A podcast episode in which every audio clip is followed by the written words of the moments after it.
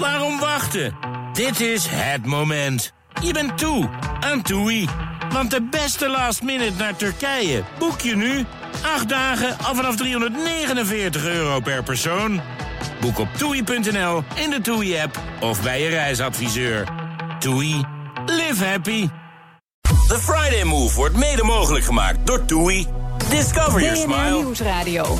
The Friday Move. Our president will start a war with Iran. Het is een soort rockster in eh, Iran. Er zijn de afgelopen dagen bombrieven tussen de post aangetroffen. Ja, het is eh, Apocalypse Now, kopte een eh, Australische krant eh, hier. Paul van Liemt. Het is de week, het is de week waarin een nieuw decennium is begonnen, de jaren 20. Dit is de Friday Move live vanuit de, ja, u hoort het, de overvolle Skylounge van de Doubletree bij Hilton Hotel met de beats van DJ Thomas Robson.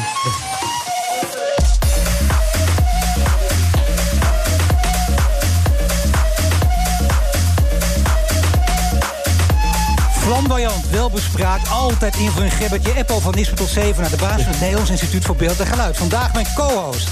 Nieuwsuur sinds gisteren een half uur eerder te zien op NPO 2. Wat is nog meer veranderd? Dat vertelt hoofdredacteur Joost Oranje zometeen.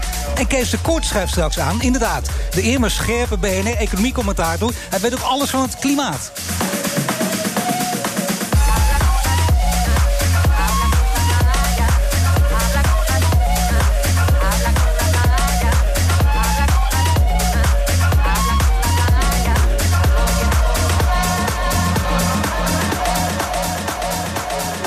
Welkom bij de Friday Move, de eerste van het nieuwe jaar. Wilfred Genezen volgende week weer. Vandaag ben ik er met co-host Eppo van Nisper tot Zevenaar... directeur van het Nederlands Instituut voor Beeld en Geluid in Hilversum. Welkom. Ja, dankjewel Paul. Man, het is hier werkelijk een feest. 2020 Niet te is dit, als nooit eerder te begonnen. In 30, 30 weet ik, dan eh, zullen we pas weer een zo'n groot hoogtepunt als nu. Ik zie zelfs koor zitten als vast onderdeel. Het is werkelijk, jongens, ik, ik, een traan in mijn oog, brok in mijn keel... van zoveel goeds en eh, En als je hier naar plezier. buiten kijkt over de stad, hè, Bright is- Life Big is- City, ook waanzinnig gewoon. hè? Het een overvolle gek. Sky Lounge. Nou ja, en ook de mensen die buiten nu moeten luisteren in de regen... omdat ze hier binnen niet konden zitten natuurlijk... vanwege alle plekken die bezet zijn. Het is werkelijk, het is ontroerend. Je hebt de feestdagen overleefd, dat horen we allemaal. Ja. Wel bespraakt, flamboyant. Nou, ik heb niks te veel gezegd natuurlijk, Nee. maar wat heb je gedaan met de feestdagen? Nou, ik moet zeggen, we, gisteravond hebben wij de, de, de, de verjaardag van mijn jongste telg, 17 jaar oud al. Dit liefdesbaby. De man heeft inmiddels een, bro, ja, een brok, eh, een baard in de keel al. En ook een baard op zijn eh, ding is. Ja. Daarna zijn we gaan skiën. Dat was heel leuk. In, in, in, in, met een vriendje van hem hadden we meegenomen. Die dacht, zijn moeder, dat zijn paspoort mee moest. Maar dat was in Landgraaf. Kent het, ik mag het natuurlijk allemaal niet noemen hier. Maar Landgraaf. Je mag het noemen. wel een land, ja, Landgraaf. Was heel leuk trouwens in zo'n hal. Kan dat iedereen aanraden. Je raakt er niet moe van. En het is heerlijk met zo'n En, en je weet dat ik heel aardig ben en nooit zoveel dingen zeg. Maar nu even wil, dat mag gewoon allemaal in dit programma. En eh, Ja. je hebt volgens mij ook behoorlijk wat oliebolletjes genomen, of niet? En lekker gedronken, Eh, gegeten. Dat doe je nog steeds. Je bent niet van het hardlopen en Nou, ik moet ik- een sprietje worden. Gewoon even lekker dooreten. Nee, ik heb eigenlijk anorexia, maar dat zie je niet zo goed aan mij. ja. Nou, je kunt het allemaal gelukkig meekijken via bnr.nl. Echt heel leuk om te zien. Deze hele slanke man. Eppo van Nisser tot Zevenaar is dus heel dun geworden. Hoe kan dat toch? Heel druk bij jullie trouwens, hè, bij Ja, beeld en geluid. ja, ja, er gebeurt Tot veel. 2000. Ja, dat is echt ongelooflijk. Ja. Een eh, bezoekersrecord, ook dit jaar weer. Dat betekent een wachttijd op een gegeven moment. Ik, ik, we hebben een speciale Wachttijd, app. Een wachttijd van tien en een half uur om daar naar binnen te kunnen. Oh. En het is eigenlijk idioot, want het is gewoon een nagebouwd cafeetje. Maar er zit zoveel liefde, werk en, en, en gevoel in. Dat is brengt echt het jou op fout. ideeën dat je denkt, nou leuk dit, het loopt vol. En eh, mensen vinden het ook mooi om te wachten. Kijken eens wat een reuring, wat gebeurt daar veel? Ga je nog meer doen? Jazeker, en we zijn eh, met de NPO 1 uh, tourcafé gestart van afgelopen zomer. Dat was ook een succes. Eh, mensen konden met hun racefiets en in zo'n mooi prachtig racepak tot in eh, de hal rijden. En eh, dat gaan we ook eh, waarschijnlijk de komende jaren dat meer uitbouwen. En, eh, Maar wat heel doe je dat meer uitbouwen? Nou, omdat duidelijk, ik. Kijk, het is belangrijk dat. dat, dat eh, ik heb dat net eh, met Joost, van, Joost Oranje, die naast me zit, eh, even voor. Joost van Oranje. Ja, dat- van Oranje. ja, maar is, ja. ik, het is, het is, Nee, veel het. eer, hè? Ja, het is minder netjes. Je bent eigenlijk familie van. Dat weten we allemaal. Maar, eh, Hij doet zijn link ook nooit aan als hij erbij zit. Dat netjes ook, hè? maar in ieder geval, eh, wat heel leuk is, dat, dat, dat het belangrijk is dat je, hè, dat instituut dat beeld en geluid is, hè, het mediageheugen van Nederland. Wij, wij leggen alles vast voor de eeuwigheid. Dus eh, ja, over 65.000 jaar kun je nog eh, terugvinden wat in ieder geval de publieke omroep zo'n beetje maakt en Nou, heeft dat bedoel ik. Alleen de publieke omroep, hè? Ja, dat is wel. Onze wij zijn niet meer terug te horen. Nee, nou, dat is eh, buitengewoon jammer dat, dat wat, wat hier nu gebeurt niet wordt vastgelegd. Maar daar ben ik met jullie voormalig hoofdredacteur Charles George Freulich, nu burgemeester. Ja. Even lekker bezig. George. Jongens, rustig met de champagne. Ja, ik bedoel, het is- het gaat moeten. We tot half zeven. Dus, Ja. eh, ja. ja. Maar, maar in ieder geval, met uh, George hebben we al eerder over gehad. En ook met alle andere commerciële zenders zijn we in gesprek... om, om dat ook bij ons in, in huis vast te gaan leggen. Ja, hij is nu burgemeester, maar ja, dat, is natuurlijk, dat zegt verder niks. Maar Charles past dan beter, maar het is een heel ander verhaal. Ja, dat begrijp ik. En je hebt, je hebt heel, al die succesverhalen achter elkaar. Maar dus soms, kijk, je hebt heel veel gedaan in je leven. Hè. Daar gaan we het allemaal nog over hebben, deze uitzending. Ja.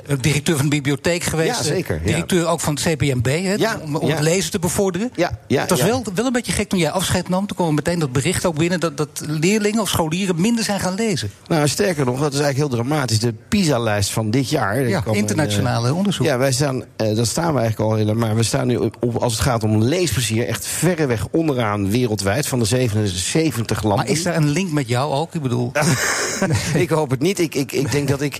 Maar goed, dat moet je aan anderen vragen. Juist heel veel aan het leesplezier heb gedaan. En weer heb laten zien. Alleen is niet ik, maar met, met, met, met, met, met de hele CPMB. maar je hebt ook altijd gezegd dat je gek bent op lezen. En Ja. dan, dan werd een keer die vraag gesteld, ook weer wat lees je dan? Dan zeg je, nou, in principe lees ik geen boek. Nou, omdat het. En dus moet je altijd zeggen, dat dat heb ik er niet zo bedoeld. Nee, ja, wat, ik, wat ik al zeg, dan zeg ik heel lullig tegen diegene... dan heb je het artikel niet gelezen waar dit boven stond. Hij leest geen boeken, dat was de, de, de, de titel.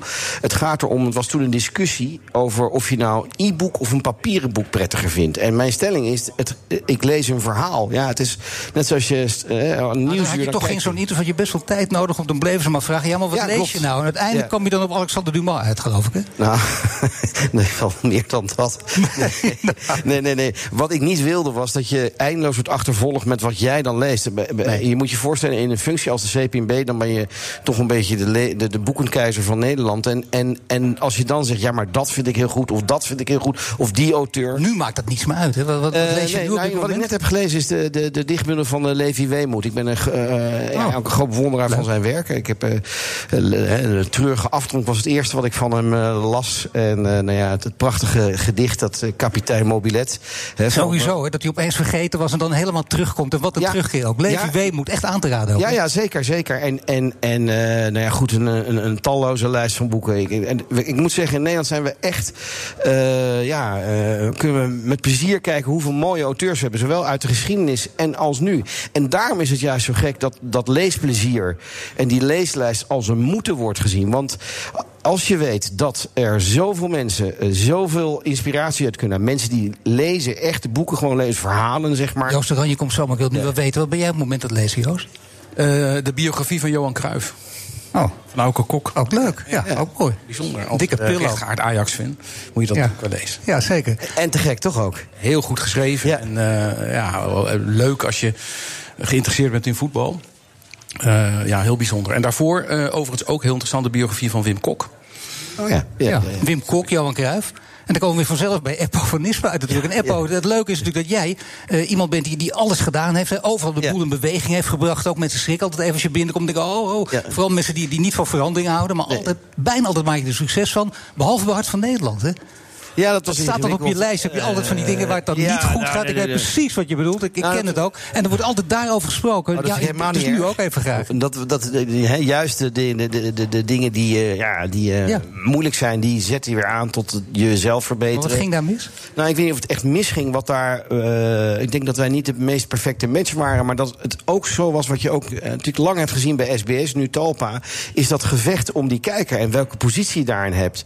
En ik kwam van de veilige wieg van eh, nou, de toen eh, publieke omroep. En, en, Nee, maar je was wel van de onderbuik. Je zei ook altijd, Ja, van de zeker. onderbuik. Dus ik hoef alleen maar mezelf te blijven. Dat is heel makkelijk. Jazeker, maar ik, je, je begrijpt soms niet, wij van de publieke omroep zeg ik dan wel eens, de turbulentie die een commercieel station heeft te gaan met aandeelhouders, met stevast moeten eh, streven, hè, dat geldt voor BNR ook, naar goede cijfers. Zorgen dat je juist de doelgroep haalt. Dat was toen 2049 AB, dat schrijft nu een beetje op. Maar dat was, ja, dat was gewoon in zekere zin paniek. En als je dan eh, moet opschakelen. Maar is één jaar dan niet heel kort? Ik bedoel, dan Ja. geef je iemand toch tenminste twee of drie jaar? Of, of eh, zagen zij het niet in jou zitten? Zag Ja, jij niet in hen eh, zitten? Nee, nee, ik denk dat, dat, dat, dat, dat ik, ik, ik wat langzaam was in het opschakelen, ben ik heel eerlijk in. En ik denk, je moet ook bedenken dat hè, wat je nu met trainers ziet, hè, gaat niet goed, boem, weg. Je kunt je afvragen wat dat nou oplevert. Ik weet het niet. Kijk naar Manchester United. je moet er wel voor zorgen. Het is het beste dat me overkomen is. Want toen werd ik uiteindelijk bibliothecaris. En daar kon ik. ja, dat, was, dat leek heel langzaam, maar dat is een geweldige wereld. Fantastisch. In Delft heb je dat gedaan, hè? Ja, ja, ja. De mooiste bibliotheek ter wereld. Absoluut. Alle prijzen eigenlijk, die we konden winnen met, met louter bibliothecarissen. Wat een feest. En wat een instituut. Het best bezochte publieke instituut van de wereld. Ja, ook dat. Nou ja, dat mag wel even gezegd worden. Ja. Na die eh, afgang bij eh, Hart van Nederland natuurlijk. Weet je, Ja, want dat ja. anders blijft dat gewoon zo hangen. Ja, precies. Dankjewel. Goed, je bent vandaag mijn co-host. De sfeer is gezet. Wordt hartstikke leuk. Tot half zeven naast Man, elkaar. We staan heel man. dicht bij De hele elkaar. dag niet geslapen van Geweldig ook. Je kunt overal over meepraten. Ik snap het ook. Je mag ook vragen stellen. Doe je ook. Zometeen Joost Oranje, want daar gaan we mee praten. Hij is de hoofdredacteur van Nieuwsuur. Trouwens ook al een tijdje. Joost. Ja, zeker. En na, groot, eh, groot plezier ook. Ja, zeker. Groot plezier. Ja, veel, eh, eh, nou ja, veel met elkaar en met de redactie bereikt in die afgelopen zes, zeven jaar. Ja, en nu nog veel meer bereikt. En veranderingen zelfs in gang gezet. En wat die veranderingen zijn, daar gaan we zo meteen over praten.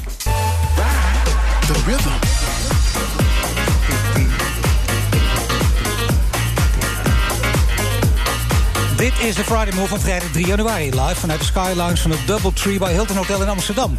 Nieuwsuur sinds gisteren een half uur eerder op de buis om half tien. Ook zijn er veranderingen in het format en in de vormgeving. Ga ik over praten met Joost Oranje, hoofdredacteur van Nieuwsuur. Ik niet alleen, ook met mijn co-host Eppo van Nispen. Tot Zevenaar, dames en heren. Ja, Joost, eh, waarom die veranderingen? Nou, die veranderingen waren nodig omdat we eh, een nieuw tijdstip kregen. eh, half tien. Eh Nieuwsuur zit al vanaf het begin dat Nieuwsuur bestaat. En, en ook de voorganger Nova om tien uur. Eh, de NPO is bezig met een, eh, met een nieuwe programmering. Een hele vervroegingsslag zou je kunnen zeggen. Met name als het gaat om de informatieve programma's eh, wat, wat later op de avond. Dat begon helemaal niet met ons, maar met de late night talkshow op de NPO. Hè, wat Eva Jinek tot voor kort deed en, en, en Jeroen Pauw. Ze wilden dat vroeger doen om twee redenen. Om, ehm, eh, nou, eigenlijk om drie redenen. Om, omdat er een roep is vanuit het publiek om dat programma vroeger te brengen. Ook om een bezuinigingsreden, want er, wordt een, er komt toch een slot minder op NPO 1. Eh, want NPO moet bezuinigen, dus dat, daar staat, eh, dat was ook een van de argumenten. Ehm, eh, en wat was nou de derde En drie is nog een, nog een bezuiniging, denk ik. Want, en want Nieuwsuur zelf hoeft niet te bezuinigen. Nou, nee, dat valt wel mee. Kijk, om, omdat ehm, de late night show vroeger ging, eh, moesten wij ook vroeger. Want eh, anders krijg je een zogenaamd genreconflict, zoals we dat in vaktermen noemen. En zit je tegenover de talkshow, dat wil je natuurlijk ook niet. Nou. Eh, dus om het ook beter op elkaar aan te laten sluiten. Oh ja, de derde reden was trouwens om beter te kunnen concurreren met RTL, die, die ook om half elf de to- talkshow. Oh, gelukkig. Tegenover. Uit zijn hoofd, hè? Ja, Ja. zeker. Ehm, eh, dus nou ja, daardoor moesten wij ook vroeger. ik moet eerlijk zeggen dat ik daar in eerste instantie ook heus wel twijfels over had. Zag je de kijkcijfers moeten, we, moeten we dat doen? Ja, die waren, eh, waren Ja. heel goed. Maar goed, die ene keer zegt natuurlijk Ja. eh, niks. Maar er zijn ook wel dingen voor te zeggen. Toen dit eenmaal in bespreking kwam, toen hebben we ook eh, onderzoek laten doen natuurlijk. Van, nou ja, heeft dit nou zin of niet? En daar kwam eigenlijk een heel erg 50-50 uitslag uit. Een deel van de kijkers die zegt van ja, tien uur is al zo lang dat vaste tijdstip. Daar hangen wij heel erg aan. En we vinden het vervelend als het naar half tien gaat. Maar daartegenover stond dat er ook heel veel potentie was. Alleen al omdat je vroeger op de avond zit, dan zitten er meer mensen te kijken. Ook al is het een half uur vroeger, maar dat is in televisieland best wel veel. Zo'n En een kleinere uur. tafel ook trouwens, hè? niet te vergeten. Je kijkt eerder naar Ja. een kleinere tafel. Dat je iets dichter bij elkaar is. Dat je niet Ja. die hele statige gesprekken krijgt. Of is dat juist nog steeds heel belangrijk ook? Dat is ook heel belangrijk. Ja, je gaat wel heel snel nu. Eh, Ja, niet toch? Ja, wat moeten- ja, nee, het is geen nieuwsuur. Kom op. Ik wou dat zeggen, joh. Wat hebben jonge wat- luisteraars. wat- Het gaat wat- een kort wat- nieuwsuur. Ja, zeker. We hebben snel veel tijd. We gaan kom een beetje over de inhoud praten. Maar het moet allemaal in heel kort allemaal. Maar als jij graag over die tafel praten, Paul, dan gaan we over die tafel praten. Over die tafel, tuurlijk. Ja, ehm jullie daar- zelf ook gisteren? Nou ja, we hebben natuurlijk gekeken eh, naar het programma. Dat doe je altijd als je, eh, als je veranderingen doorvoert. En nou, zo'n tijdstip, nieuw tijdstip is natuurlijk een verandering. Hoe ziet het programma eruit? En eh, toen hebben we ook gekeken naar de vormgeving. En onze tafel die, we, die wij hadden, die was heel groot. Daar zat ook wel een gedachte achter, want er moeten vier mensen tegelijk aan. Maar de praktijk was Vaak dat- één op één, hè? ja, heel vaak Ja. is dat helemaal niet zo. We hebben wel eens drie of vier gasten aan Ja. tafel, maar veel vaker maar één of twee Dat gasten. zag er toch wat gek uit, hè? Eh, ja, het, het, het, het, schepte wat. Het feesttafel en die films kennen we ook. En het echtpaar zit heel veel van elkaar af. En dat Nou maakt een beetje terug. Ja, en, en, dat, en dat, het woord intimiteit is de afgelopen dagen heel vaak gevallen, maar dat is wel zo. Dus meer intimiteit bij Nieuwsuur nu? Ja, want die tafel die hebben we eh, kleiner gemaakt. Eh, we, we hebben de cameravoering daar ook een beetje op aangepast. De belichting hebben we daar wat een beetje op aangepast. En dat zorgt ervoor dat Nieuwsuur om half tien ook nou ja, wat, wat dichterbij komt. Ook al omdat Minder harde gesprekken, ook minder eh, of- kritische gesprekken? Nee, natuurlijk niet. Dat heeft er ja, helemaal niks mee te maken. niet, eh, meer intimiteit. Nee, nee, waarom? Je kan ook heel eh, kritisch heel intiem zijn, hè? Ik Dat, moeten eh, weten. Dat heb ik nooit geweten. sterker nog, nee, dat is nu te laat. Dat heeft geen zin Dat meer. Maar dat is een goede dat kan ja. allemaal en dat hebben we allemaal in onze gereedschapskist bij Nieuwsuur. Eppo, heb jij het gisteren gezien of niet? Nee, nee ik hoor tot mijn, tot mijn grote ja, echt, echt schande, Joost. Ik, ik- ja, maar Ja, het komt, toch- mijn je moet eens gaan 17-jarige, kijken, man. ik, ik had eh, d- 35 man. Met zo'n eh, positie in, ja, in, in, publiek omroep. Maar gelukkig kan ik, dat heb ik het terug, grootste archief in een skihal in Landgraaf. Dat is toch niet Nee, gisteren was het thuis. Maar ik heb gelukkig het grootste archief waar we het kunnen putten, Joost. Ik kijk ernaar. Maar wat is de kleurstelling eigenlijk van het decor? Is, is dat... Is dat eh, Nou, de kleurstelling was heel blauw. Ja, Eh, een en beetje dan? te blauw, al met al. Als je zo Ja. al die jaren... Het ontwikkelt zich natuurlijk ook wel een beetje. Maar we hebben, het nu, we hebben het nu veel warmer gemaakt. Er zitten meer rode kleuren in, ook wel wat paars. Jongen, jongens, het is Kleinere ook die inhoud gaan dus- hebben. Het is ook niet Nee, te ja, maar wel- maar het- het- Het eh, Ja, maar ik denk dat Joost daar wel iets zegt. Kijk, dat, intieme, dat warme is best belangrijk. En, en wat heel interessant was van de afgelopen... Gisteren bijvoorbeeld, dat in de top 10 van programma's die bekeken werden... bijna allemaal nieuwsprogramma's waren die eh, daarin stonden. Ik geloof twee niet. eh. en dat is toch heel, heel boeiend. Dat men de, de, hunkering naar nieuws... Hè, dus ook naar dit programma, wat ook nieuw Nee, is... maar even, nee, maar is het nou echt zo'n MP? Ik bedoel, eh Nieuwsuur. hè? Ik hoorde ooit Toon Gerbrands, hè, de, de manager van, eh, van PSV, die vond Nieuwsuur een geweldig programma. En hij zegt: let op, let op, over een aantal jaar gaan ze daar bezuinigen. Want die stoppen nog tijd in een item. Die komen twee keer bij mij. Dat was hij nooit gewend. Dus had even een quoteje halen. Duurt allemaal veel langer. Allemaal complimenten, complimenten. Maar zegt hij: het slechte nieuws is. Op een gegeven moment moeten ze het loodje leggen. Let maar op. Maar ik zie het verband niet. Waarom? Nou ja, dat je, dat je dus een duur programma bent. Ja, maar dat is overigens helemaal niet waar. Wij zijn helemaal niet zo'n duur programma. Oh. Nieuwsuur kost... eh, Hoef je ook niks op in te leveren. Nou, nee. Nee. Niet. Wat kost Nieuwsuur? kijk, kijk, je moet natuurlijk altijd inleveren. De publieke omroep moet bezuinigen. En bijvoorbeeld, de, de, de- we worden niet gecompenseerd wel? met de inflatie. Hè, over een heel jaar. Nou, dat vind ik dat- inleveren. Ja, nee, oké, dat, dat is inleveren. Maar uiteindelijk is het gelukkig nog wel zo dat wij het programma kunnen maken. Overigens voor een Maar wat hele kost Nieuwsuur? Nou, Nieuwsuur kost eh, op, op, als je het ga- gaat terugrekenen op wat wij op uitzendingbasis kost, eh, wat dat kost, is tussen de 33 en de 35.000 euro. Eigenlijk maken wij daar het programma voor. Jij bent, Met jij bent een redelijk kleine redactie. Hè. Als je dat vergelijkt met Ja. Newsnight of andere grote landen om ons heen, is dat heel bescheiden wat wij doen. Hele goede redactie, zeer betrokken, zeer bedreven, veel goede specialisten. presentatoren ook. Goede presentatoren, goede ankers. Maar nieuwe club Eh, ook, hè? Nou, valt wel mee. We, we hebben het wel, wel verjongd. Maar er zit ook een heel groot deel die al heel lang bij Nova en bij Nieuwsuur werkt. En, en, en waar wij natuurlijk ook op bouwen met alle ervaring die men heeft. Maar ik probeer Nieuwsuur ook wel zo dynamisch te houden qua personeel. Dat je ook eh, jonge mensen kan aannemen. En dat die zich ook kunnen ontwikkelen. Dus zeg maar, Twan Huis, die ook. hoeft niet te denken dat hij ooit nog een keer kan terugkomen. Nou, Twan Huis is natuurlijk een ontzettende belangrijke waarde voor Nova en daarna voor Nieuwsuur geweest. En het was heel begrijpelijk dat hij na 14 jaar eh, dat hij dat vak deed, dat hij eens om zich heen keek. Dat vind ik helemaal niet raar. Maar je kan toch ook denken, oké, na een tijdje kom je gewoon weer terug. Dat, ja, maar ja, eh, dat, dat momentum was toen. En we hebben met Jeroen Wollaars een hele goede opvolger. Nee, het was een doet zeg je het nou, opgestaande plaats gegaan. Eh, Even, dat mag wel gezegd Ja. worden, want dat, dat doen maar weinig mensen. Ja, nou, wat, wat Joost vertelt over dat geld en zo. Dat, die, die, wij, wij leven in een land waar echt fantastische programma's gemaakt Zowel commercieel als eh, bij de publieke omroep. En met name die publieke omroep, ik weet niet waarom en hoe dat allemaal nou komt... maar die, die, ja, die ligt bij die politiek niet goed. En dat is jammer, want voor een hele lage kostprijs... wordt daar echt fantastische eh, programma's Nou, gemaakt. veel Zowel radio- onderzoeksjournalistiek ook gepleegd. Ja, eh, en dat is nodig, want anders dan... eh, UWV, paspoort Malta, Syrië. ja, ja, ja. En, en, en, en, en ik, ik, ik, Gerbrands die kan dat natuurlijk zeggen dat dat minder wordt. Ik denk niet dat Nee, dat hij zo is. bedoelde dat heel positief. Ja, Hij dat, is heel heel goed programma. Ja, En dat moet gewoon ja. eh, blijven bestaan. Ja, en, en volgens mij blijft dat ook bestaan. Want het, Nou, ik begrijp wat hij bedoelt. Het, het- het- natuurlijk is het zo, en zeker als je met publiek geld gemaakt wordt, dan is het ook heel terecht dat mensen daar kritisch naar kijken. Dat programma Zeker. wordt van het publiek geld gemaakt, dus dat, daar, daar staan wij ook open voor. En het is ook niet zo dat wij feilloos zijn. Ook wij maken fouten, ook journalistieke fouten. Dat gebeurt overal en natuurlijk ook bij de publieke omroep. Wat heel vervelend is, is dat de discussie over de publieke omroep vaak zo onzuiver gevoerd wordt. En, eh, hoe bedoel je dat? elkaar eh, nou ja, er worden appels met peren vergeleken. Alles wordt maar NPO genoemd. Zodra er een bepaald programma van een bepaalde omroep is een keer een fout, maar gaat het ineens over de hele NPO. We moeten die discussie wel zuiver blijven. Dat wij eh, proberen kwaliteitsjournalistiek te voeren, zo goed mogelijk, eh, zo goedkoop mogelijk. Want we worden mede door publiek geld gefinancierd. Overigens niet helemaal, hè.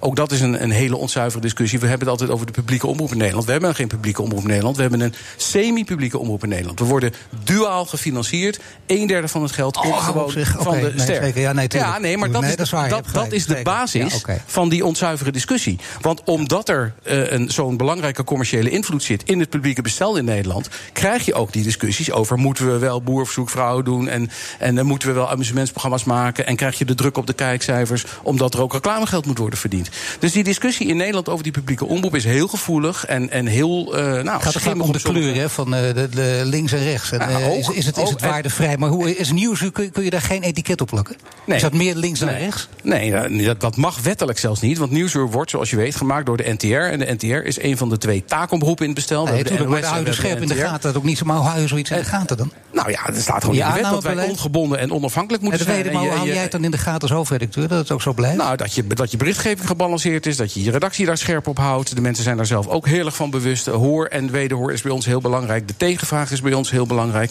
En dat proberen we ook altijd te doen. En, dus niet per definitie uh, ook klimaatskeptici aan het woord, ook een keer een voorstander ja. van Trump aan het woord. Nou ja, maar dat, dat gebeurt ook gewoon. We hebben laatst ook uh, in Amerika zijn we Trumpland ingegaan. We hebben ontzettend veel voorstanders van Trump aan het woord gelaten. Het verhaal dat, dat, dat, dat, dat wij uh, achter de regering aan zouden lopen, wat je ook vaak hoort op het, nou ja, af en toe toch wat riool wat Twitter is. Bedoel, wij zijn degene geweest die, die vele ministers hebben laten vallen door de bolletjesaffaire bijvoorbeeld. Dus, ja. natuurlijk, ja, oké. Okay. Nee, maar het is wel aardig hè, als we hier nu bezig zijn, dat je denkt, wacht even, je zit wel naast Eppo. En Eppo is iemand die om de vijf jaar iets anders wil doen. Niet omdat hij onrustig is in zijn hoofd, zegt hij, maar ook misschien een beetje, maar vooral omdat hij nieuwsgierig is. En jij bent ook een nieuwsgierige man volgens mij. Je, vindt, je, je bent toch gedreven om nieuws te maken, maar je bent toch vrij lang hoofdredacteur daar. Nou, valt wel mee, nu zeven jaar. Is het waar dat jij naar NRC hebt uh, gewild, een jaartje geleden? Of half jaar geleden, toen Peter van der Meers wegging? Nee hoor, hoezo? Nou, dat dacht ik. Ja, dat nou, was ik, heb, ik heb 15 jaar met ontzettend veel plezier bij NRC gewerkt. Uh, heb daar heel veel onderzoeksjournalistiek bedreven. Ik ben daar chef politiek geweest. Ik ben chef verslaggeving geweest. Ik heb in de hoofdredactie gezeten. Nee, ja, maar ik, bij Nieuwsuur was ik nog niet klaar. Ga je daar je pensioen halen of niet? Bij Nieuwsuur? Ja. Nou ja, wie weet. Misschien niet in deze functie hoor. Want ook daar zit een houdbaarheid aan. Ik zou het heel leuk vinden om op een gegeven moment ook weer terug te gaan naar de praktijk. Misschien wel schrijven, misschien wel dingen maken. Misschien wel eindredacteur worden. Uh, Directeur beeld en geluid. Gewoon, ja. nou, nou ja, dat weet ik niet. Maar, maar wel nee. weer gewoon het journalistieke handwerk oppikken. Waarom niet? Dankjewel. Joost je hoofdredacteur van Nieuwsuur Vertaan. NPO 2 ja. om half tien, hè? Half tien. avond. En straks BNR Economie komt het uit Kees de Kort hier te gast. En Kees gaat over een heel ander onderwerp praten dan economie. Nieuwsradio. The Friday Move. Ja, het is uh, Apocalypse Now, kopte een uh, Australische krant uh, hier. Hij is de machtigste man op de geestelijke leider Khamenei na. Because he has absolutely no ability to negotiate. Paul van Liemt. De vlijmscherpe mening van Kees de zal ook in 2020 vaak te horen zijn op BNR. Hij is zo meteen te gast bij mij.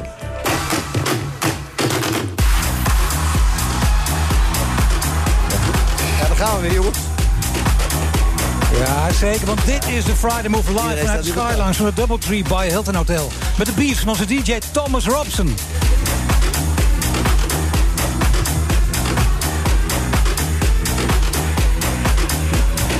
Ja, dit is ongelooflijk. Uh... Apple, wij doen mee. Ja, Kees, niet, Kees zit onbewegen. Hoe houdt ja, ja. hij dit vol? Hè? Nee, maar even, je moet op het koor letten. Het koor die gaat door de hele zaal. Een soort van polonaise. Ja, ja, grote vriend Koor. Ja, zit. Dan gaan we straks pas bekend maken om half zeven wie Koor is. Nu nog niet. Blanke mannen dansen niet dat weet je.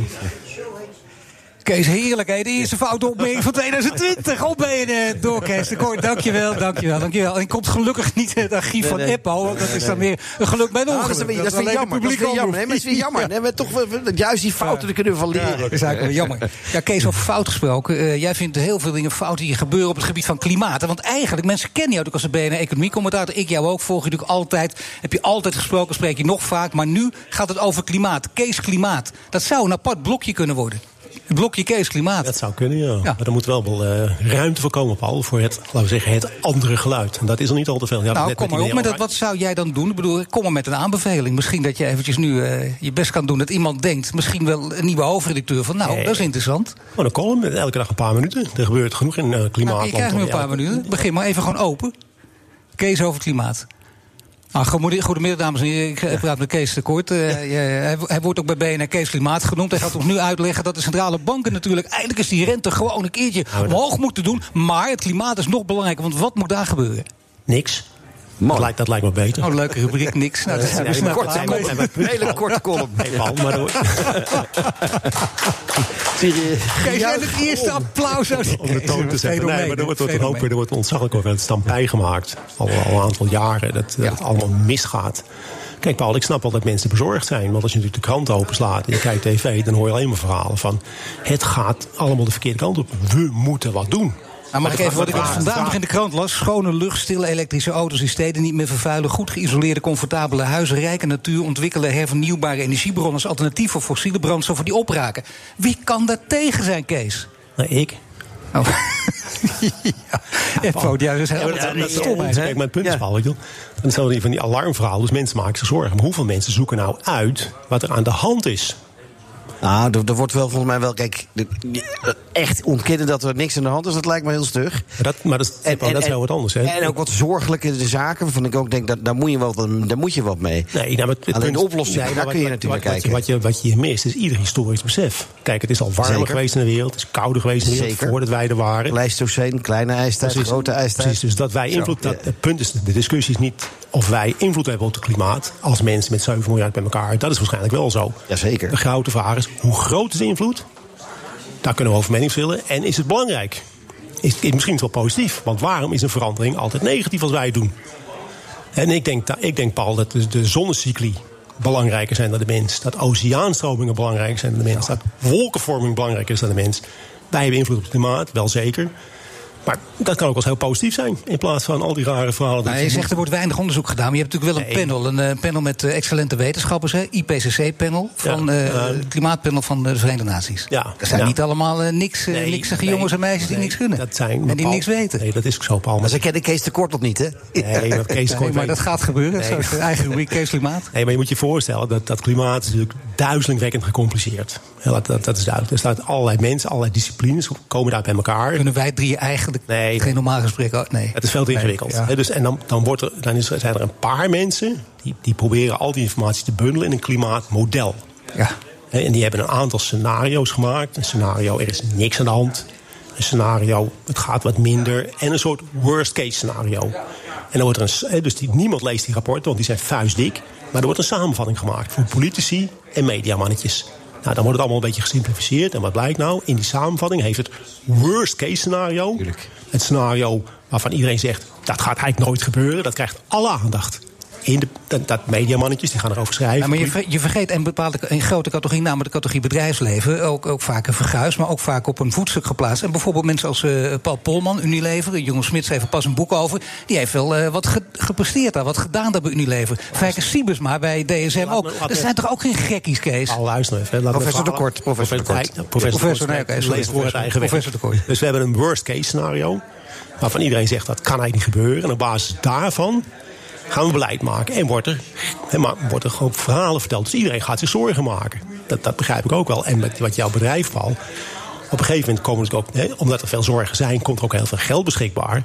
Dus het is ook een commercieel verhaal geworden, het milieu. En als je eenmaal weet waar de, hoe de subsidiestromen lopen, dan weet je zeker, die mensen gaan nooit meer roepen dat er geen problemen zijn. Nee, maar ook zonder subsidiestroom is het toch helemaal niet zo tegen dat je daar geld mee kunt verdienen? Nee. Dan heb je toch, eh, dan, eh, dat snijdt het mes toch aan twee kanten. Nee, dat- maar beter voor klimaat en beter voor de portemonnee. Paul, mijn punt is niet dat, dat je als je je zorgen maakt, moet je dat allemaal zelf weten. En dan moet je gewoon zelf maatregelen nemen wat je wil.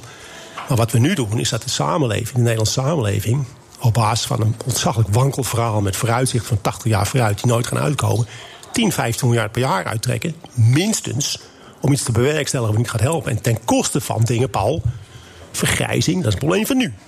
Eh, De, de globalisering. Kijk voor me heen, ja, dat is zeker. Nee, zeker Ja, ja. Heel veel jonge mensen. hier toevallig. Nee, die, verder- die is de gemiddelde leeftijd Hier aan eh, tafel, Nee, maar goed, eh, het is iets boven de God, 77. Goed, de, de zorg, de vergrijzing. Ja. Dus we kunnen, we kunnen al het geld besteden aan dingen die niet helpen voor 80 jaar. We kunnen maar gewoon zeggen, we gaan proberen Nederland en omgeving beter te maken nu. Voor de mensen die nu leven. Dat jij privé een elektrische auto wil rijden en dat je niet wil vliegen en Bami wil eten, moet je allemaal zelf weten. Maar waarom moeten wij als samenleving 50 miljard betalen voor totale onzin? Dat is mijn Ja, omdat je denkt, het is misschien niet helemaal totaal Ja, onzin. nee, Als, ik, als niet. ik geloof niet dat het totaal onzin is. Ik vind dat er gaat professor de Kort wat kort door de bocht, zeggen we dan rustig. maar daar is hij dat- ook dat- voor. daar is hij Ja, maar ook dat voor. is- Ja, dat is- dat daar is hij ook voor. En eh, ik, ik zit even met mijn mond open, omdat ik heb, hoor de man vaak op de radio. En ik geniet er zeer van. Ik zit nu in levende lijf naast hem. Dus valt je nu een beetje tegen. Nee, helemaal niet. Ik, ik, ik, ik zit gewoon gebiologeerd naar dat, dat, dat gezicht te kijken, hoe dat beweegt. Wat daar uitkomt. Hij praat, hij praat. Ja, en, en, en, en, uit. ik moet eerlijk zeggen, ik moet eerlijk zeggen, ja, kijk, ik, ik, ik geloof dat het niet helemaal onzin is. Dat zou ook waanzin zijn. Wat ik er ingewikkeld aan vind, is dat we hebben het ons landje, maar we moeten het met z'n allen doen. Dus die hele wereld moet mee. Hè. Het is niet zo dat eh, wij het alleen maar on- ons landje moeten doen. We moeten met z'n allen doen. En daar zit volgens mij een enorme crux, want eh, er hebben een aantal landen van gezegd, we doen niet mee. Het is verstandig, hè? Die, kijken om, die, denken, ik- nee, maar die, kijken naar, die hebben een historisch besef. En die kijken gewoon die 80 jaar vooruitvoorspellingen van de worst case. Jongens, vraag aan Gerrit Hiemstra om het weer. Het weer in Nederland, heel simpel. 10 dagen vooruit opstellen. Kan hij niet. Vraag aan het CPB, de Nederlandse economie, twee jaar vooruit opstellen. Ook niet zo moeilijk. Kunnen ze ook niet. Nee. En dan gaan we wel heel veel geld mondiaal inzetten voor iets wat nog extreem veel complicerender nee, is. dat is een heel, 80 dat is een heel jaar. ander Nee, verhaal. Nee, als je zegt er moeten een paar dingen wel gebeuren, dan moet je niet zeggen. Daar gaat het dus over hoe gaan we dat verdelen. Dus geen discussie van maken. Ik, ik citeer nu, eh, weet ik het, een columnist uit een van de kranten. Geen discussie van maken die gaat over moralistisch offensief van zelf ingenomen bovenlaag. Die andere schaamte aanpraten, terwijl ze zelf een enorme ecologische voetafdruk nalaat. Oftewel, laat de politiek het eh, verdelingsvraagstuk eh, voor, voor eh, Nee, nemen. maar Paul, die politiek die kijkt gewoon naar de meerderheid. Dus Jesse Klaver leest echt geen boek over milieu. En Rob Jet weet niet eens wat milieu is. Ja, dit is- Maar, maar die hebben wel heel veel kiezers die zich druk maken over er moet iets gebeuren. En dan ben je een goede politicus. Dan ga je wat doen. Dan ga je gewoon geld ter beschikking stellen. Dan ga je fantastische kolencentrales sluiten. Het is te krankzinnig Of je gaat zeggen, iets kost geld en we gaan het gewoon eerlijk Nee, verdelen dan onder, ga je- de- onder ga de je- bevolking. Ga je het Nederlandse bos kappen. Arjen Lubach is leidend hierin, hè? Ga je Nederland volplakken met zonnecollectoren en windmolens. Nou, hoor je Jawel, maar Ar- Arjen Lubach is hier leidend. Die heeft natuurlijk een paar keer dingen geroepen... Ja. die het eigenlijk tegen die hele klimaatdiscussie ingingen. hè. Kerncentrales, zei die, die moeten we eigenlijk gewoon weer opnieuw doen. nog iets Ja, ja, maar dit, dit zijn heel interessant. Ik, ik denk wel dat Jesse Klaver een boek over, over klimaat... tenminste, ik, ik ga ervan uit ik, ik- dat hij er wel iets van weet. En, en dat de mensen het ook wel weten. Ik, Ja, maar, ik- het is, maar ik geef toe dat de discussie... Ik vind hem zelf ook ingewikkeld. Ik vind hem zelf... eh, hè, ik, heb, ik heb vijf bloedjes van kinderen. Ja, Kees, die heb ik. Kees, hoeveel kinderen heb jij? Ja, daar heb je het al. Hè. Geen kinderen, dus Kees maakt er niet uit natuurlijk. Hè. Bloedjes voor de kinderen. generatie, wat kan het Dat is niet schelen? waar, jongen. Het is er helemaal niks aan de hand, man. maar er is toch helemaal niks aan de hand, korte mij, jongen. maar goed, oké, oké, oké, oké. Ze maar over geld hebben, ik word toch Nee, een beetje... Nee, nee, dat hoeft niet. Nou, zullen we het over geld hebben? Over China bijvoorbeeld. Ja. Kees, een paar dagen geleden hier op de zender. De economische groei die gaat dan wel, de enorme groei die je altijd ter discussie stelt, die gaat eh, ten koste van het milieu. Water en grond, die moeten daar worden schoongemaakt in China. En dat wordt heel duur. En de Chinezen nee, die maar- betalen. Nee, maar je moet een onderscheid maken tussen het klimaat hè, en gewoon duurzaamheid. En omgaan met de wereld om je heen. Dat zijn twee totaal gescheiden dingen. Zeker. Als jij tegen mij zegt, we moeten investeren om, om vervuiling op te lossen... ja, daar ben ik helemaal voor natuurlijk. En eh, recycling is ook allemaal goed. Maar het klimaat en allemaal hele gekke dingen doen... om de temperatuur onder controle te houden... en hogere temperatuur goed is, dat is weer een heel ander verhaal. Dus waar hebben we het over? Klimaat en China hebben niks met elkaar te maken. Behalve dat de Chinezen er niks aan doen. Nou, wacht even, de Chinezen moeten Nee, toch iets dat, gaan dat is doen. wat Olle net zei. Die, die, die gaan gewoon in gang hoor. Ja, die, die, die gaan zeker hun gang. Die, eh, eh, maar toch, ik, ik, ik, ik, ik geloof dat duurzaamheid ook wel iets met het klimaat te maken heeft. Er zit een combinatie in. Hè, als wij beter omgaan met onze grondstoffen en beter zorgen dat er minder uitstoot is, dan houden we. hè, dat heeft. Oh, oh, oh, dan, dan komen we op een van mijn favoriete onderwerpen. Ja, graag. Uit Eh, eindelijk, Kees. Goh, Hij wordt wakker, zeg. Ja, goed. Heeft het zo lang moeten duren. Oké, Kees, ga je gang. Het heeft, heeft een paar minuten geduurd. CO2, jongens. CO2 is goed. CO2 groeien de plantjes van. Dus wat we aan het doen zijn, we gaan tientallen miljarden uitgeven om CO2-uitstoot te verminderen. Is welke sitejes bezoek je trouwens elke keer voor deze leuke feitjes? Want af en toe, je, je geeft ze nooit prijs. Dat, was, dat, dat is de, op, op, de oprichter van Greenpeace, Paul, Patrick Moore, is de grote voorstander van meer CO2. is goed voor de natuur. De wereld vergroent ook omdat we meer CO2 in de lucht hebben. Maar, Nou, is goed toch? En dus gaan nou bomen kappen in Nederland. Wat Nederland lokaal gekapt. We gaan centraal sluiten. Want wij kunnen er niet tegen dat CO2-percentage in de lucht omhoog gaat. Het is de waanzin in het kwadraat. Er is gisteren toch een plan gemaakt door de TU Wageningen. Precies, Eh, ja, maar niet, ja, toch dat het Nederland van, wat is het over? Het, eh, we moeten allemaal naar Limburg verhuizen. Maar dat vind ik sowieso eigenlijk wel. Dat is sowieso goed om dat eens te doen. Eh, dit kleine land, want we denken als we het een kwartiertje moeten fietsen, vinden we het al ver weg. Op naar, naar Limburg. Maar, maar, maar daar, daar, komen ze, daar komen juist weer bossen bij, volgens mij, begreep ik. Of ben ik nou helemaal, heb ik het toch niet goed gelezen? nee, wacht, Zo het, het de zit bijna, je hebt het bijna goed, Eppo. Ja, dat precies zit, dat gaan we zo meteen toch die even verjaardag van persoon blijf die even ertussen zat? We zijn niet klaar met Kees, vind je niet? Ik vind Nee, nee, nog zeker Kees even Nee, verder. nee, nee, nee, nee. Kees, zometeen spreken we En ik wil weten hoe ik geld moet Zometeen, verdienen komend jaar. Kees, Friday Move.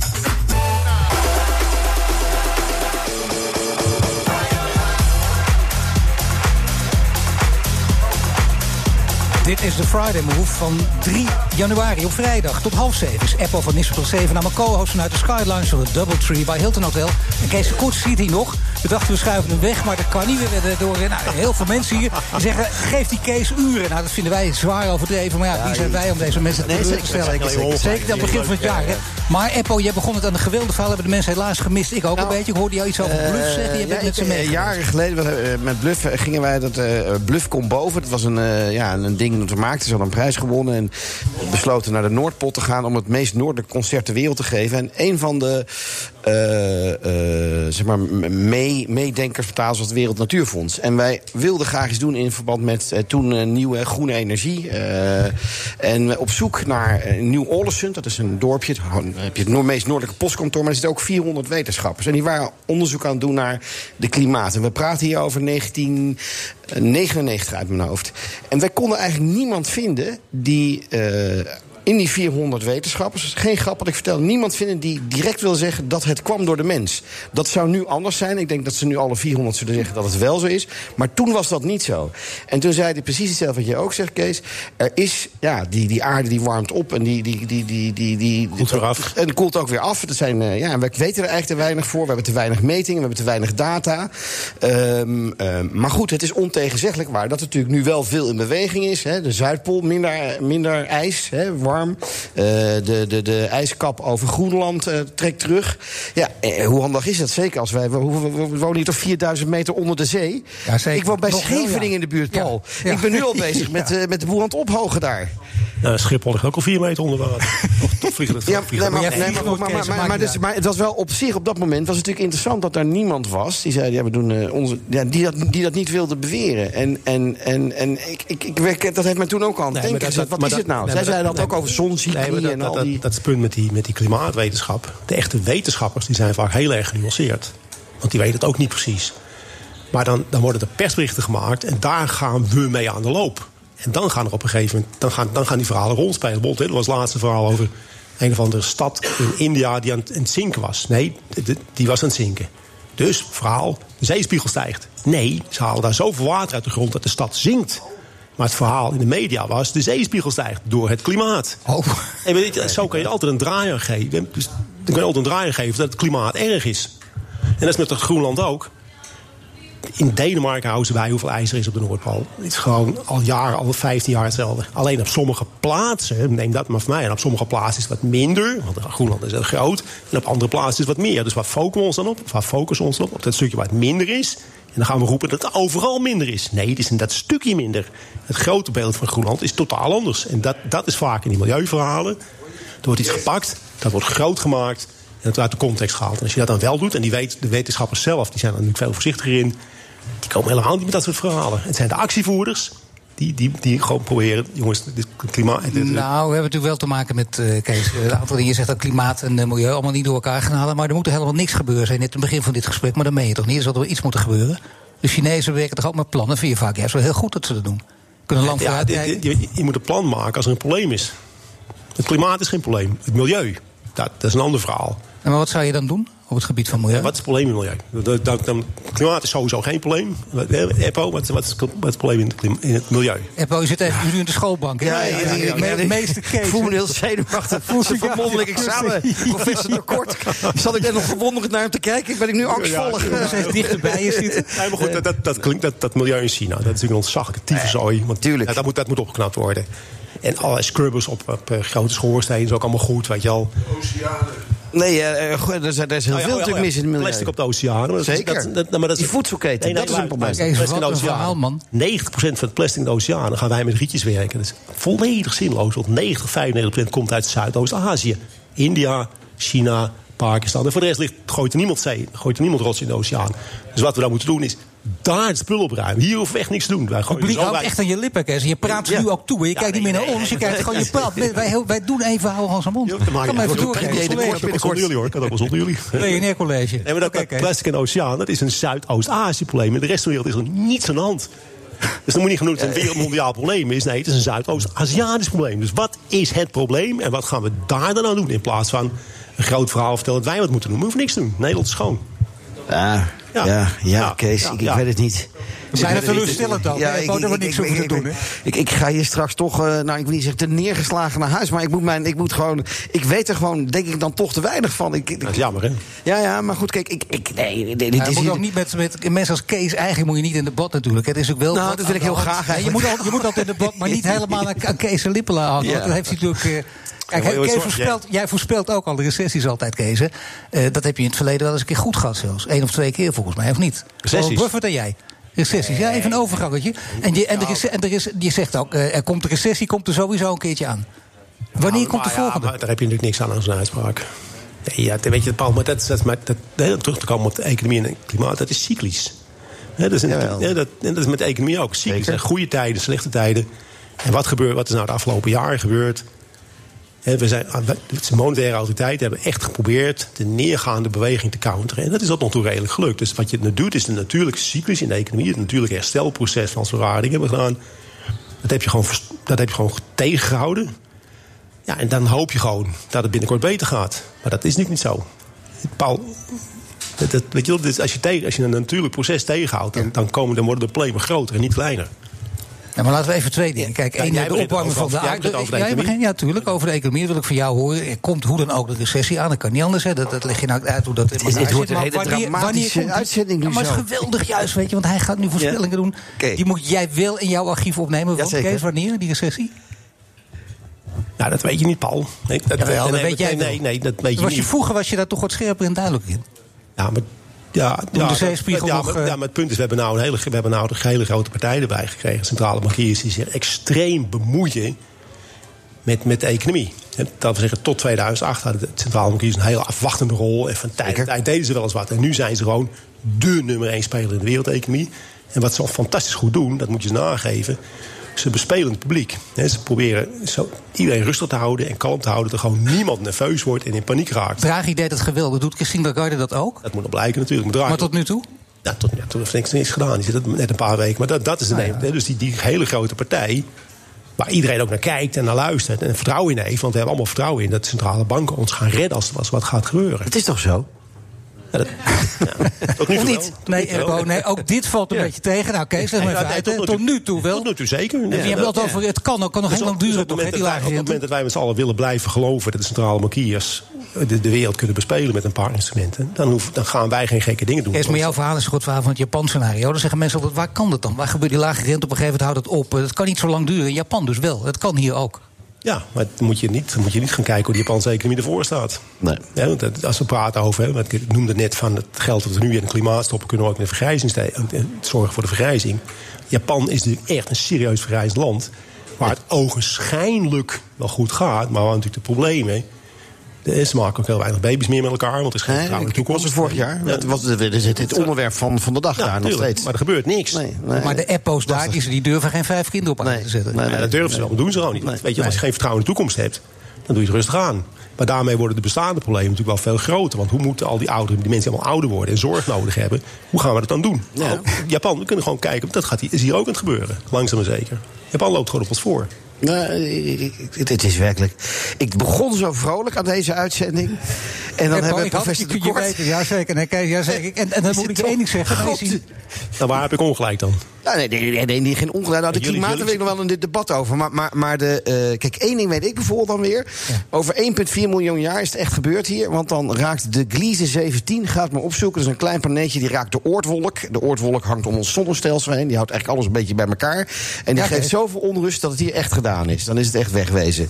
Maar goed, in die tijd hebben we de musken van, eh, van de musken van de musken. Die hebben wel eens uitgevonden dat we een beetje op Mars verder kunnen. Of zelfs kan iemand mij vertellen waar dit over gaat? Nou ja, even over een voorspelling. Dus dat kan ik dan weer doen.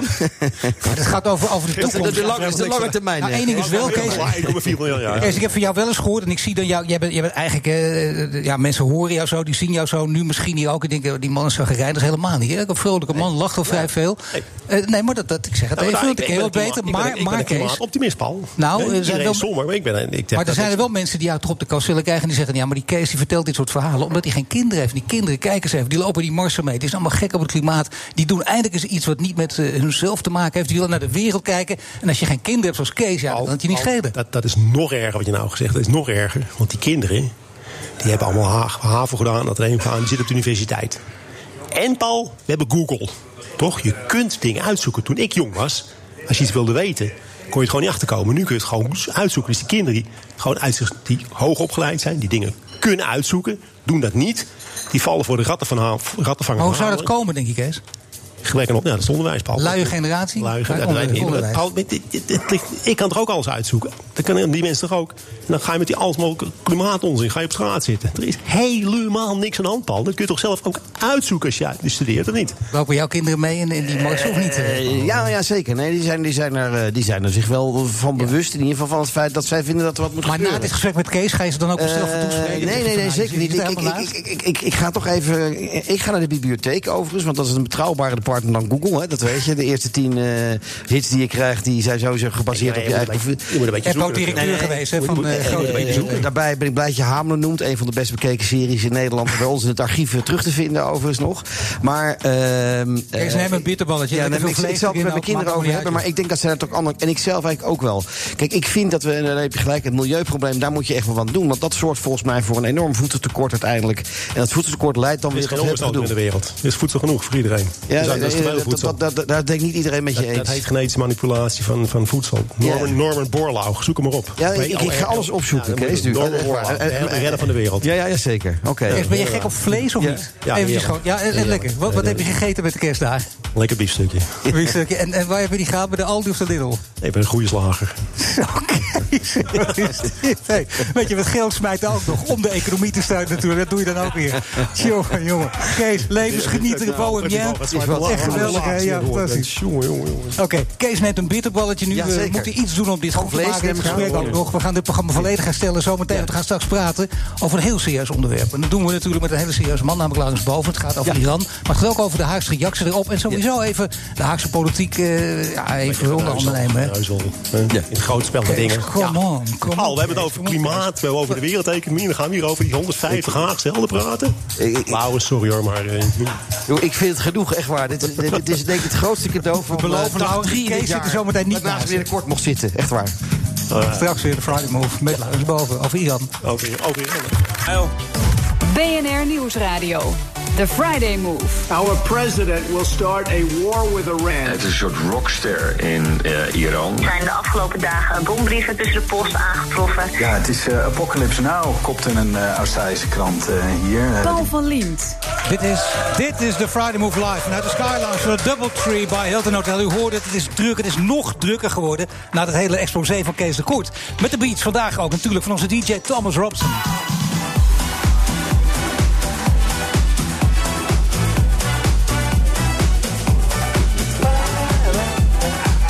Eppo van Nispe tot Zevenaar kent, die weet dat hij een gangmaker is. Met tomeloze energie kunnen we goed gebruiken. Hij is tot half zeven mijn co-host. Met VVD-Kamerlid en buitenwoordvoerder Sven Koopmans... bespreek ik de situatie in het Midden-Oosten. En de talkshow Oorlog. Eva Jinek neemt het met RTL op... tegen vijf presentatieduo's bij de publieke omroep. Wie gaat dit gevecht winnen?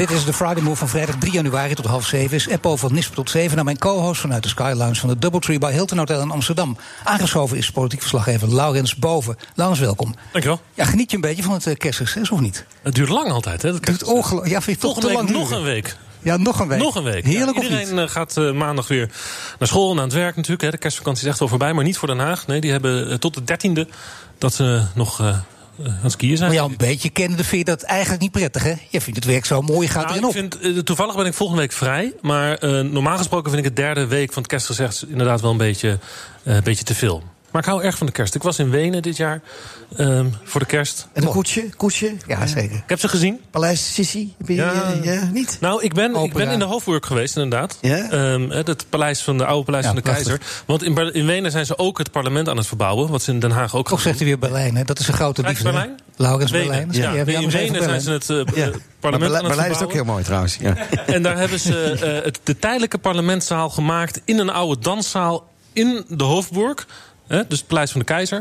Direct naast de, eh, de, de grote ruimte waar de, eh, waar de paarden, de, de, de Spaanse Ja, ja, ja, ja. ruiterijen zitten. Dus het stinkt daar een beetje naar de. Mooie omgeving. Ik, ik zit steeds te denken, en ligt misschien aan mij, over alles wat, wat er nu gezegd wordt, dat zou Kees daarvan vinden. Maar goed, dat moeten we Nee, eigenlijk nee, nee, helemaal... nee, nee. nu even Laurens. hè. Nee, dat- We nee, kunnen Laurens wel niks- vragen niks naar, de coalitie in Oostenrijk. Niks dat is de, de groenen Kees. en, en de conservatieven. Je weet wel dat Kees de Kort onze best beluisterde podcastmaker van het station Ja, maar wij maar houden- ik- hou van zijn Kees. gek op Kees, eh, daarom, dat, natuurlijk. Maar Nu al.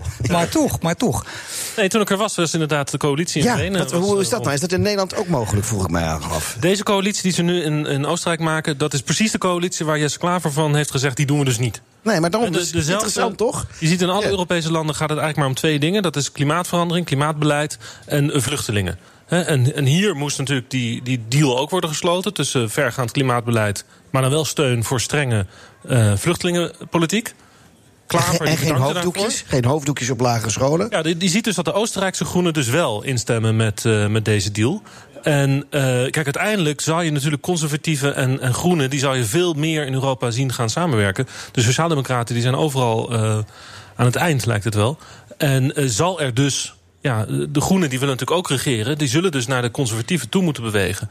En hebben dus nu deze deal gesloten. Ik vind hem bijzonder omdat ze dus die steun geven aan die eh, vluchtelingenpolitiek... wat heel erg tegen de borst Ja, is ja, ja. van de Groenen. En ook omdat die klimaatpolitiek die ze in Oostenrijk nu gaan voeren... die wordt heel erg eh, vergaand, ambitieus. Hogere klimaatdoelen dan, eh, dan de Europese. Laurens, maar nu? Maar die klimaatdoelen, die, die klimaatpolitiek moet toch wel worden gevoerd. Dus het is een rare deal, vind Nu ik. de harde actualiteit. Want de minister Blok die heeft zojuist gereageerd op de Amerikaanse raketaanvallen... waarbij een hooggeplaatste Iraanse generaal gedood is. Wat zegt Blok? Wat was zijn reactie? Zijn reactie is dat ehm, eh, de situatie zorgelijk is en ernstig. Dat tot daar aan toe. Interessanter is dat hij de aanvallen op de Amerikaanse doelen in Irak onacceptabel noemt. Waarmee hij dus in feite, eh, zonder het expliciet te zeggen, eh, aangeeft van dat hij het accepteert dat deze man is geliquideerd door de Amerikanen. Ehm, interessant. Ja, Geert Wilders zei dat ook, maar dan in andere woorden. Ja, dat zal. Je ziet eh, eigenlijk dat de hele coalitie die lijn van Blok wel eh, steunt. Hè, dat er dus aan de ene kant zorgen is. En eh, wordt de aanval op zich, bijvoorbeeld door D66, onverantwoord genoemd. De VVD, nou, je hebt Sven Koopmans zo meteen hier ook zitten... die noemt het een risicovolle stap, ongekend. Ehm, de ChristenUnie ook, weet je. Dus de, de coalitiepartijen die wijzen in feite de aanval af... maar tegelijkertijd hebben ze er respect voor dat het gebeurt omdat ze eigenlijk allemaal wel erkennen dat deze meneer een, eh, ja, een grote ehm, negatieve invloed heeft gehad op het eh, Midden-Oosten. Dus eh, de VVD zegt bijvoorbeeld: de, de VS is terecht woedend. Dus je ziet eigenlijk, die, dus het leunt een beetje op tegendachten. We accepteren dat de liquidatie heeft plaatsgevonden, maar het is een enorm groot risico. En er dreigt nu een grote escalatie in het Midden-Oosten. En mogelijk een nieuwe oorlog met gevolgen voor Nederland natuurlijk, want we zijn daar, daarbij. Hè? Zeker, er staat een missie van een Nederlandse marineschip op de planningen voor eind januari in de straat van Hormuz. Daar heeft de politiek natuurlijk ook weer op gereageerd. Defensie denkt dat het doorgaat. Hoe denkt de Tweede Kamer erover? Nou, de, vanuit de coalitie wordt er nu dus nu gezegd van... ehm, best kabinet, kijk nog even goed naar de nieuwe veiligheidssituatie. En wat betekent dat voor eh, die missie? Die dus bedoeld is om de koopvaardijschepen te beschermen. eh, maar wel in de situatie dat er geen oorlog is. Hè, als er een oorlog uitbreekt... Ja, dan moet je een- misschien een heel ander soort missie optuigen als je erheen wilt gaan. Of misschien willen we wel niet meer gaan. Er is nog een tweede missie die in gevaar is op dit moment. We zitten namelijk ook met grondsoldaten in Irak. Hè. Er is een trainingsmissie in het noorden van Irak eh, gaande. Die is net verlengd door de Tweede Kamer vlak voor het kerstreces. En ook daarvoor geldt natuurlijk dat de veiligheidssituatie totaal anders wordt... als er een oorlog uitbreekt met Iran. Als bijvoorbeeld de eh Irakezen de Amerikanen dwingen om het land te verlaten... ja, dan moet Nederland daar natuurlijk ook de biezen pakken. Maar de Amerikanen hebben dit toch allemaal de scenario's gemaakt? Of is het echt een. eh, Nee, dat hebben ze dus niet. En dat is- echt een dingetje van Trump, denk je dan? Of iemand? Voor zover nu de berichten zijn, Ja. hè, voor wat het waard is, eh, wat uit het Witte Huis komt, is het een, eh, ja, een individuele eh, beslissing geweest van Trump om dit nu te doen op dit moment. Eh, er wordt wel gezegd dat het is overlegd, of misschien vooral is meegedeeld aan een aantal bondgenoten dat dit ging gebeuren. Maar ehm, eh, de, de, de, berichten zijn niet dat dit het normale besluitvormingsproces is doorlopen in de Verenigde Staten met alle risico's eh, goed in de analyse. Het is wel goed om te zien wat hij weer getwitterd heeft. Trump heeft getwitterd dat Iran nog nooit een oorlog heeft gewonnen... maar altijd aan de onderhandelingstafel wint. En met die boodschap lijkt hij de enorme woede en wraaklust van Iran te willen temperen, zegt ANP. Ja, nou, hij hint er volgens mij vooral op dat hij vindt dat de deal, de Irak, de, de nucleaire deal die is gesloten met Iran, Ja. dat hij dat een uh, winst voor Iran vindt, die deal. Um, en dat is natuurlijk ook de link met Europa. Want Europa heeft die, uh, dat akkoord heel erg gesponsord. Hè? Dus ja.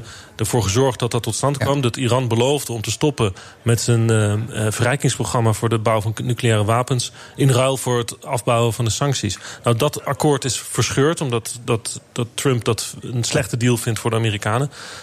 Ja, en nu dreigt dus... Hè, de, de, de, dat was al een escalatie...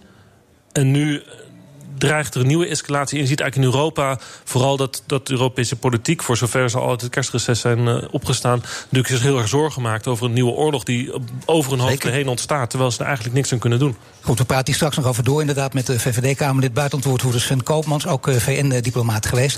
We kijken nog even naar het, uh, het nieuwe politieke jaar. en uiteindelijk ook mensen die nu ja. al praten over Rutte 4. Gaat Rutte 4 er wel of niet komen? Natuurlijk denkt Rutte zelf, want hij heeft er zelf nog wel zin in. Of denk je van nou, nee, nou, is, drie is mooi geweest? We zitten een beetje in een gek jaar. Want eigenlijk, voor het grote publiek is het helemaal geen spannend jaar... want geen verkiezingen, die zijn pas in maart volgend jaar. Maar voor de politici is dit het jaar waar het om gaat. Want nu gaan de besluiten vallen. Wie gaat door? En de lijsten die worden in het najaar vastgesteld. Maar eerst natuurlijk de vraag van de partijleiders. En Rutte is daar natuurlijk de grote vraag. Die gaat deze zomer, dus dat weten we over een half jaar... weten we of de volgende premier weer Rutte heet of niet. En ik kijk goed naar de kranten in dit kerstreces. Je zag het al, hè, 2 januari. Dat in twee kranten grote interviews stonden... met de twee kroonprinsen van het, uh, van het CDA. Nou, we gaan heel veel van dat soort interviews zien de komende tijd. Mensen gaan zich profileren. En dan in de zomer en de maanden daarna... de grote, door, uh, de grote momenten van uh, de leiders. En Rutte, als Rutte doorgaat, denk ik dat hij nog wel een keer uh, de premier zal worden. Maar je ziet nu in de peilingen dat het allemaal zo dicht bij elkaar ligt... dat, er, uh, dat het zomaar als ook Asscher, De Jonge, Hoekstra... iedereen kan het eigenlijk worden. Oké, okay, dankjewel, Laurens. Ik denk uh, dat Kees de kort gaat worden. Na, na, de, na, de, na, na, na het vorige ja, je zit er ook helemaal vol van. Hè? Ja, ik ah, ja, zit er helemaal vol van Kees. Nog meer dan anders, hè? Yeah. En ik ga zo meteen met Eppo doorpraten. En Eppo, dan ga ik het met jou hebben over, over je vrouw. Ja, je zeker. Misschien in de zaal tussen een heleboel andere vrouwen. Er zijn een paar dingen waar ze een Je moet even zoeken. waar zit ze nou? Er zijn heel veel vrouwen namelijk hier ook. En, en vooral waar ze een enorme hekel aan heeft. Daar ga ik oh, zo meteen even over. Gaan we zo meteen over praten. Ja, ja.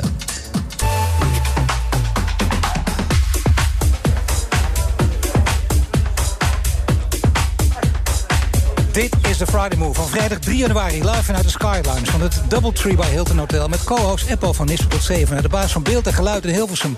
En de Telegraaf typeerde als lawaai papegaai. En andere media noemen je een clown. En dat kan echt niet meer, zegt inderdaad jouw vrouw, Carola. Nee, daarom, daarom hou ik van die vrouw. Zegt, uh, zij kent mij als beste. Zij vindt mij bloedserieus. En dat ben ik ook. Veel mensen willen... Ik, ik zeg wel eens, je hebt beeld, je hebt geluid. Ik ben dan vaak het geluid. Dat klopt. Maar dat komt, ik ben... Ja, ik spreek me uit over dingen. En, en ben aanwezig. Ik denk dat het goed is dat je zorgt dat de boel in beweging komt. En door stil te blijven kan dat ook. Dan moet je even aangeven hoe je dat doet. Letterlijk door geluid te nou, maken. Overal wat je binnenkomt en zo, ja. dan wil jij dat je hier ook. Dan maak ja. je gewoon geluid. Ja, ja. Het is niet van, uh, nou jongens, uh, beste nee. wensen, een nee. beetje verlegen. Maar het is... Uh, ja, maar dan heb je dat maar meteen gehad. En dan, dan ben je er maar, zeg ik. Het is een, uh, en en, en sommige mensen zien dat als heel irritant. En anderen denken, ja, nee, er gebeurt wat. He, dus ik, ik noem mezelf altijd de CEA, de Chief Executive Archivist. Ja. En, en, en ja, dat moet ook. Ik moet een heleboel partijen met elkaar verbinden. We gaan straks spreken met een Kamerlid. Die moet dat ook doen. Je moet zorgen dat het is he, een, een archivaris voor de eeuwigheid. Moet er zorgen dat iedereen zich comfortabel voelt met wat daar gebeurt. En dan ben je nu maar ook directeur van het CPMB, directeur van de ja, maar ook daar geldt dat. Delft en zo. De mensen dachten ook, wat een ja. gekke stap. Dan maak je ook iets heel moois en groots ja. vanuit Van Nederland. Hebben het over gehad. Je hebt allerlei verschillende dingen gedaan. Misdaadjournalist ben je ook nog geweest? Ja, zeker. En dat is ontzettend leuk. Want eigenlijk in het begin de tijd dat Peter R., die is toen al wel voor de Telegraaf schreef. Maar die begon er niks voor met jou vergeleken ook. Crime nee. nee, maar geweldig hoe die man dat he, zich uh, heeft ontwikkeld. En ook dat genre gewoon uh, groot heeft gemaakt. En uh, tot op de dag van vandaag is dat natuurlijk iemand waar je heel ja, blij mee moet zijn dat, dat hij dit land zeg maar heeft. met zaken die hij heeft, toch heeft, heeft doorgezet. de Christa Ambrose-zaak is misschien wel de beroemdste. Waar hij maar stevast zei. Maar het is, klopt gewoon niet. Daar, de, die mensen zitten onschuldig vast. Maar hij doet dat nog. Hij is nog steeds ja. met misdaadjournalistiek bezig. Is ja. er volledig door gegrepen. En hij vindt het ook niet ja. saai. Hij vindt het belangrijk. Vindt het interessant. Dat kun je ook blij, je leven ook blijven doen. Maar het jij hebt dat niet. En je zegt steeds het is geen, geen onrust. Maar wat is het dan wel? Nou, het, het, het is dat, dat ik vind dat je jezelf moet uh, blijven vernieuwen. Maar elke vrijdag werk jaar, maken. hè? Elke vijf jaar. Ja, dat is redelijke, dat redelijke ritme heb ik in mijn lijf zitten. En, en dat is geen omdat ik het niet meer leuk vind wat ik op dat moment doe. Maar omdat ik denk het is goed om mij zelf te onderwerpen aan iets wat ik niet ken. En daarmee eh, eh, bouw je een enorme netwerk op. En krijg je ook al veel meer oog voor andere dingen in de wereld. Die Maar je durft dus ook gewoon onderuit te gaan. Ja, je weet, ja, want dat is het ja. risico daarvan natuurlijk. En dat kan je niet schelen. Nee, nee, nee. Er want, gaat geen eh, rouwproces eh, naar Hart Nee, van Nederland nee, bijvoorbeeld. verlies is voor de bangen, zeg ik altijd. hè. Als je bang bent om te verliezen, ja, dan moet je het niet zijn. Dat geldt voor de politiek ook. Eh, en en eh, te voet en te paard, dat, al die dingen gelden. Dus eh, de, ja, als je daar allemaal bang voor bent, moet je het niet doen. En ik, ik, ik denk wel dat ik heel erg oprecht ben in wat ik doe. Dus als je mijn schreeuw hoort, is dat niet omdat ik iets wil doen wat er niet... Maar het, is, het hoort echt bij mij. Heeft met opvoeding te maken. Want kijk, je komt uit een heel mooi nest, adellijk nest. zeker, zeker. Zowel van vader als moederskant, Jonkier. Ja, wel, mijn wel, moeder wel, wel, wel het goedkoop- Echt wat, Ja. echt wat, hè, zeg maar. Maar je zegt, ja, toch echt, want je zegt altijd het goedkoopste van het goedkoopste. Ja, ja, kijk, ik zeg altijd, de jonker is natuurlijk een predicaat, is geen titel in de adel. Hè, dus dat is altijd, als je in de, letterlijk in de adelstand, dan staan we echt in het hoekje, zeg maar.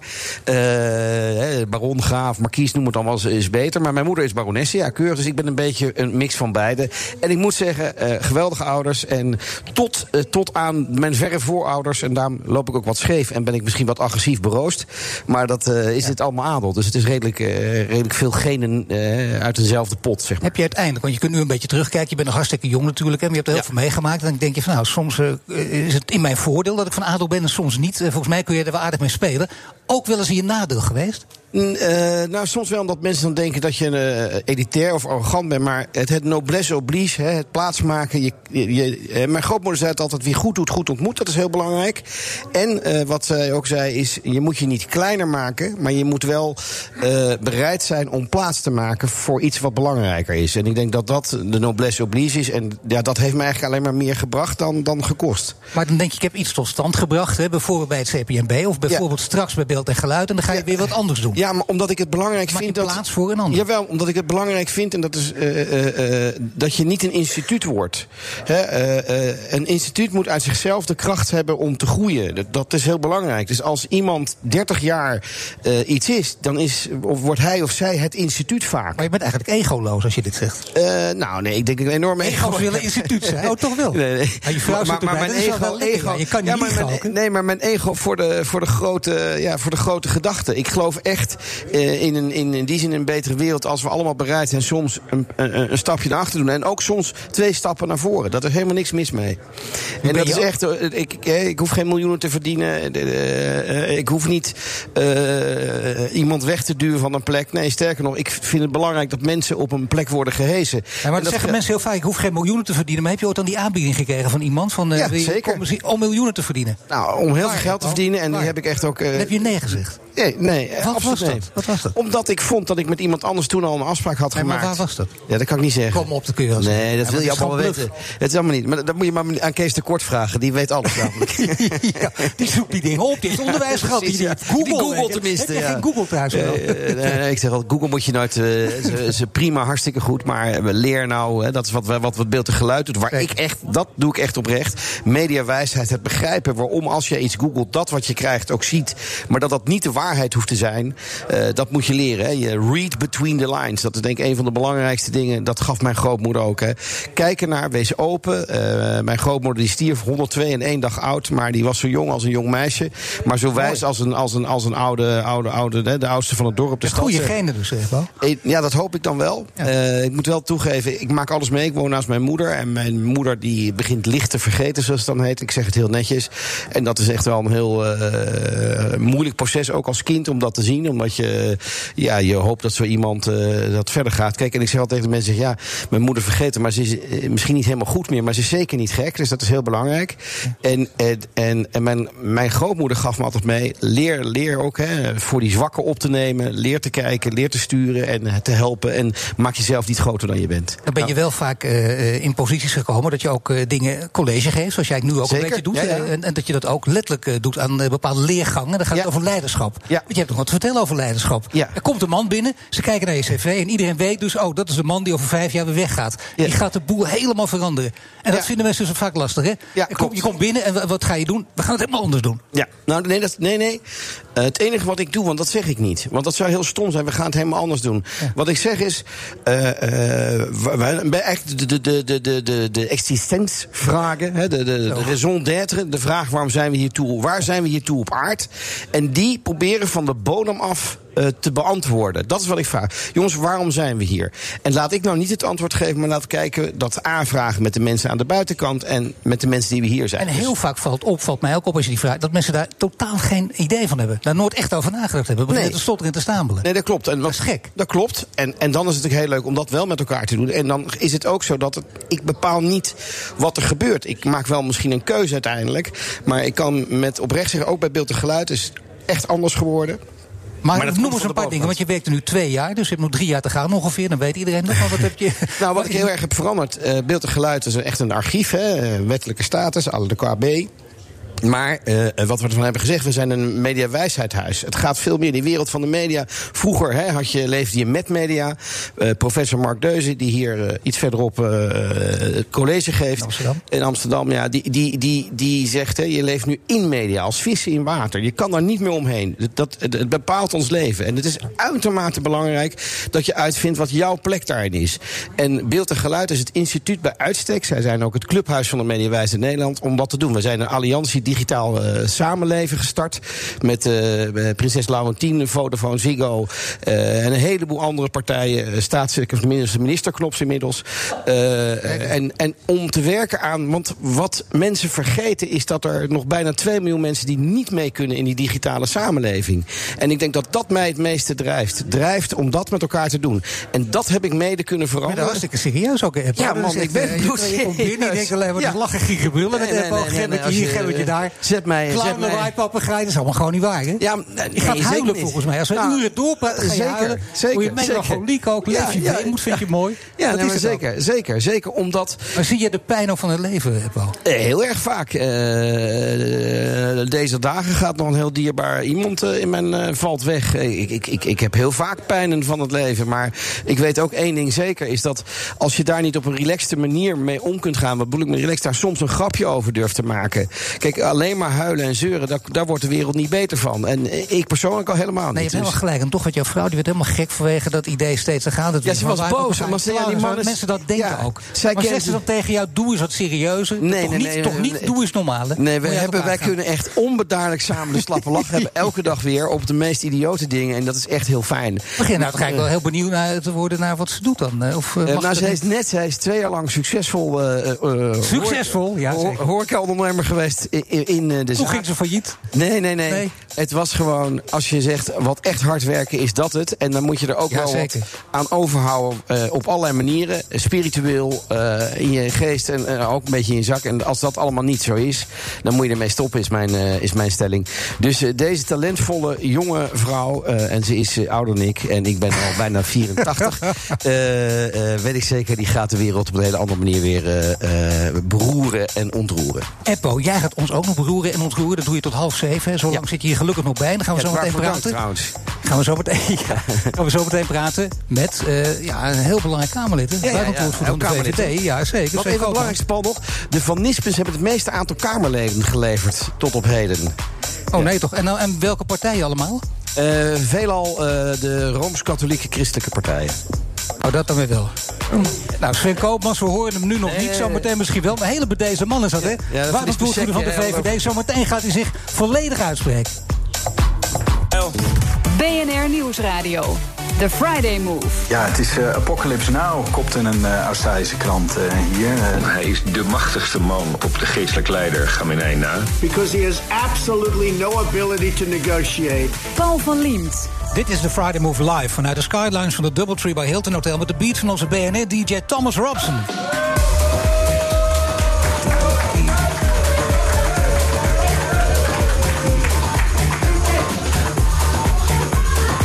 Mensen zijn nog niet weggelopen, hier u gelukkig thuis en in de auto hopelijk ook nog niet. Bij een raketaanval van het Amerikaanse leger in Bagdad is de hooggeplaatste Iraanse generaal Qasem Soleimani gedood. En dat gebeurde op bevel van Donald Trump. Iran veroordeelt de aanval en de spanningen tussen beide landen lopen hoog op. Daar ga ik over praten met Sven Koopmans, VVD Tweede Kamerlid en buitenlandwoordvoerder. En natuurlijk ook uh, nog steeds co-host. Uh, daar zit hij, Eppo van Nisbet tot Zevenaar. Ja, uh, meneer Koopmans, hoe beoordeelt u die raketaanval van Amerika? Nou, we zijn met deze meneer Soleimani geen uh, lievertje kwijtgeraakt. deze man die steunde terroristen, die stuurde ze aan vanuit Iran. de Hezbollah en allemaal andere enge bewegingen... die afschuwelijke aanslagen pleegden. Dus we zijn aan hem niks kwijt. maar het is wel heel bijzonder dat de Amerikanen zo'n gerichte... zo'n persoonlijke aanval hebben op een militaire en politieke leider. Dat is eigenlijk ongekend.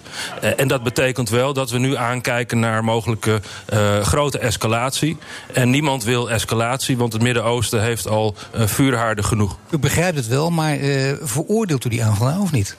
Nou, ik heb een groot begrip voor dat de Amerikanen deze meneer uh, weg wilden hebben. Ik ken natuurlijk niet de Amerikaanse veiligheidsrapporten die spreken. Nee, maar u weet wat er gebeurt, dus je kunt zeggen, nou, dat, ik, ik begrijp dit en u geeft de context, maar het veroordeelt het wel, of niet? Nee, maar ik deel de Amerikaanse woede op wat deze man en het Iraanse regime allemaal heeft gedaan. Iran heeft zelfs in Nederland uh, twee mensen laten vermoorden. Zo wijzen alle rapporten uit. Dus, dus terecht wat er gebeurt. Nee, maar dus is het heel belangrijk dat je daar keihard tegen optreedt. Uh, nu is wel deze actie is wel heel bijzonder. Want het gericht uitschakelen van een militaire en politieke leider... dat is uh, in, nou ja, in de recente geschiedenis niet gebeurd. U heeft een achtergrond als diplomaat in, in ook gevaarlijke landen. Ook in Syrië volgens mij, bent u ook diplomaat geweest. En dan zou je kunnen zeggen, nou, die gevolgen moet je kennen. U kent de situatie ook een beetje. U weet een beetje hoe het in de hoge politiek ook toegaat. Nou, dan kun je zeggen, nou, ik moet het keihard veroordelen. Ik heb een ben nu Kamerlid en geen diplomaat meer. Nee, maar ik ben er ook heel duidelijk in. Deze meneer, uh, die zijn we liever kwijt dan rijk. Dat mogen duidelijk zijn. Maar uh, zo'n Amerikaanse aanval op zo iemand, zo heel gericht... dat heeft ook allemaal consequenties. Die kunnen we nu niet zo overzien. En ik ken die Amerikaanse veiligheidsrapporten nogmaals niet. Maar ik zeg wel, als je dit doet... dan moet je klaar zijn voor alle reacties die erop komen. En dit betekent wel dat Irak waarschijnlijk via allemaal andere bewegingen... die zij steunen, nu Amerikaanse doelen... Ja, alles wat je doet heeft gevolgen. Als je niets doet, heeft het natuurlijk ook gevolgen. Kan er ook van niets doen kan een escalatie komen. Dus nu komt er ook een escalatie. Tuurlijk heb je het nooit in de hand. De wereld is niet volledig maakbaar. Maar toch, denkt u dat dit tot een te grote escalatie kan leiden? Want u kunt daar natuurlijk over nadenken. Ja, natuurlijk. Nee, ik, ben, ik maak mij grote zorgen over de escalatie die hieruit voort kan komen. Maar nogmaals, ik weet niet wat deze meneer precies op dat moment aan het plannen was. De Amerikaanse regering zegt hij stond op het punt om allemaal Amerikanen te vermoorden. Dat weet ik natuurlijk niet. Ik maak me er wel grote zorgen over, want ik zie hier nog meer brandhaarden in deze regio. Maar laat het heel duidelijk zijn: het Iraanse regime, dat heeft allemaal afschuwelijke dingen ondernomen. Die steunt allemaal terroristische organisaties in die hele regio. En nogmaals, heeft ook zelfs in Nederland uh, verantwoordelijkheid te nemen voor aanslagen. Dus uh, laten we niet proberen Iran in bescherming te nemen. Maar we moeten wel heel voorzichtig zijn uh, met dit soort acties. Want nogmaals, dit is ongekend. Nou ja, het is ook wel belangrijk hoe je reageert. En minister Blok heeft zelf ook gereageerd natuurlijk. En daar ook gezegd wat hij vindt. En de situatie in Irak zorgelijk en ernstig, ja, uiteraard. Maar natuurlijk ook niet direct, maar ook een beetje gezien zijn positie. Uh, allemaal begrijpelijk, maar heel veel slagen om de arm. Maar toch niet veroordeeld. Ja, maar kijk, u zegt politiek moet je duidelijk zijn, ben ik helemaal mee eens. Maar de Tweede Kamer is natuurlijk niet een soort uh, jury die dan uh, rapportbordjes ophoudt van zoveel punten of voldoende of onvoldoende. Het gaat er hier om. Nee, maar u bent buitenlandeskundige, dus u kunt ook zeggen, nou, ik ken de situatie heel goed. En u schetst inderdaad de voor- en nadelen. En uiteindelijk moet er wel een keus gemaakt worden. Ja, nou ja, en deze keus uh, is gemaakt door, door Donald Trump.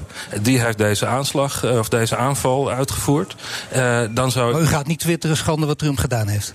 Ik heb getwitterd wat ik heb getwitterd. En dat is uh, iets als. Ik begrijp volledig de Amerikaanse woede om alle Iraanse agressie. Ik zeg daarnaast, deze actie is ongekend. Het richten op één specifiek individu, een militair en politiek leider. Dat gebeurt niet. Hè. We hebben heel veel oorlogen gehad. En daar werd nooit de president of de generaal specifiek uh, weggehaald. Heel vroeger tijden had je het nog wel eens met de Eerste Castro. Wereldoorlog, er zijn nog wel een paar oorlogen die, die natuurlijk de aanleiding hebben gehad... waarbij er iemand uh, uit, uit de hoge, hoge regionen werd omgelegd. En dat was dan het begin van een enorme oorlog. Ja, maar dat was natuurlijk toen geen uh, staatsbeleid. In ieder geval het begin van de Eerste Wereldoorlog, als we het daarover nu hebben. dat was niet door de Amerikaanse, de Franse of uh, zelfs nee, nee, nee, maar de dat, Servische regering gedaan. Maar misschien toch ook nog wel zorgelijker. Want is het nou zo, want kijk, uh, ik, he, dat, dat, dat, dat die man een gevaarlijke man is. En volgens mij het, Amerika, het, het Iraanse par parlement eindigt ook altijd met dood aan de Amerikanen na elke zitting. Toch zoiets? Ja, hè? Ja, ik, ja, ik geloof het graag. Uh, in Iran zijn ze, is de regering heel duidelijk anti-Amerikaans. Lopen ze graag over Amerikaanse vlaggen heen. Uh, maar laten we het niet bagatelliseren. Het is vooral, de afgelopen week is de Amerikaanse ambassade in Bagdad uh, gewoon aangevallen. een paar dagen daarvoor is een Amerikaan in Irak vermoord door, door Iraaks of Iraanse raketten. er zijn heel veel andere grootschalige Iraanse agressieve, illegale daden gepleegd. Dan vind ik het heel begrijpelijk dat de Amerikanen daar woest over zijn... en dat ze daar uh, actie op willen ondernemen. Hoe zit het eigenlijk? Maakt u zich zorgen over de situatie in het Midden-Oosten? Ja, dat doet u. En vindt u het zo echt dat Nederlandse staatsburgers... dus preventief dat die teruggehaald moeten worden uit het gebied? Ik denk dat de Nederlanders vooral in veiligheid moeten, moeten zijn. En ik begrijp dat het ministerie nu ook zegt... Kom zoveel mogelijk terug naar Nederland. En ik begrijp dat mensen dat nu ook aan het doen zijn.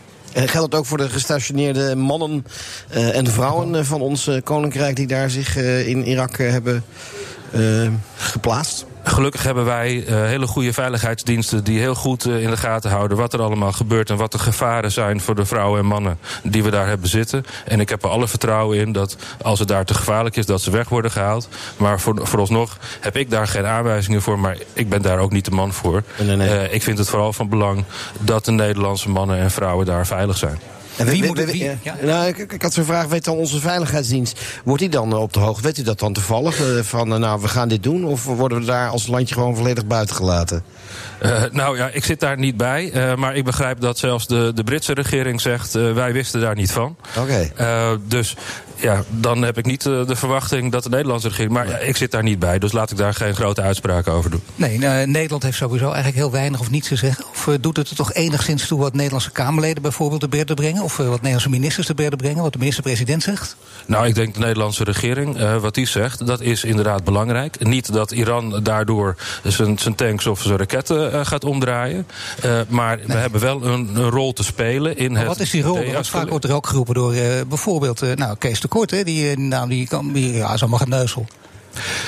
Ja, de rol van Nederland is denk ik bijdragen aan de-escalatie. Wat we nu doen, we hebben een missie, hè, die gaat naar, naar Hormuz, een fregat bijdragen. Een marineschip gaat naar de straat van Hormuz, ja. Maar gaat die, gaat die missie door? Dat gaat, gebeurt samen met de Fransen, dat is niet met de Amerikanen. En dat heeft juist de bedoeling om dat te de-escaleren. Natuurlijk moet je de situatie op de voet volgen en moet je daarnaar blijven kijken. D66 zegt, we willen dat die missie heroverwogen wordt. Dat kun je namelijk bedenken natuurlijk, kun je ook zo over uitspreken. Dat vindt u niet nodig.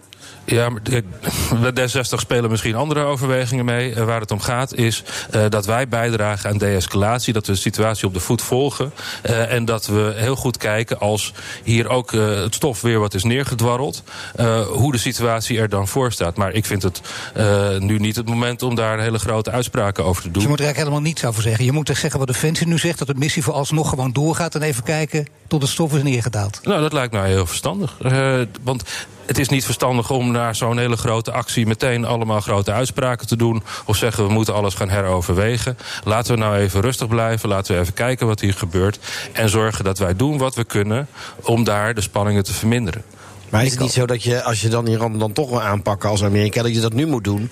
Omdat uh, hoe meer tijd ze geeft, ze wel nucleaire wapens kunnen ontwikkelen. En nu zou dat dan niet zo zijn? Of zeg ik iets geks? Nee, ik, vind, ik ben het helemaal mee eens dat een van de grote zorgen die we hebben is de, uh, de, de atoomambities van Iran. Die willen een atoomwapen bouwen. Dan vond ik het een heel slechte zaak dat Trump weg is gelopen van dat akkoord.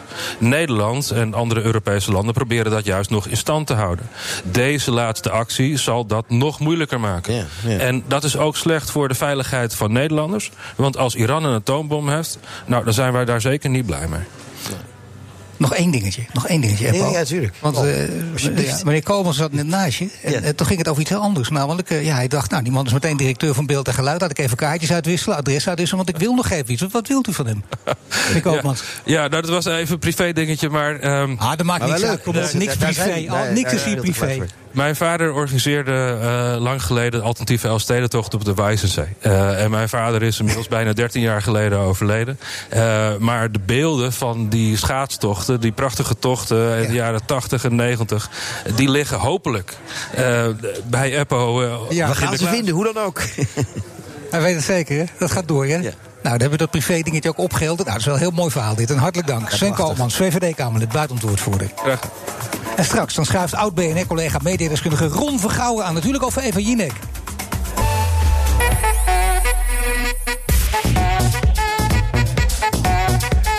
Dit is de Friday Move, live vanuit de Sky Lounge van het Doubletree bij Hilton Hotel. Co-host Eppo van Nispen tot Zevenaar.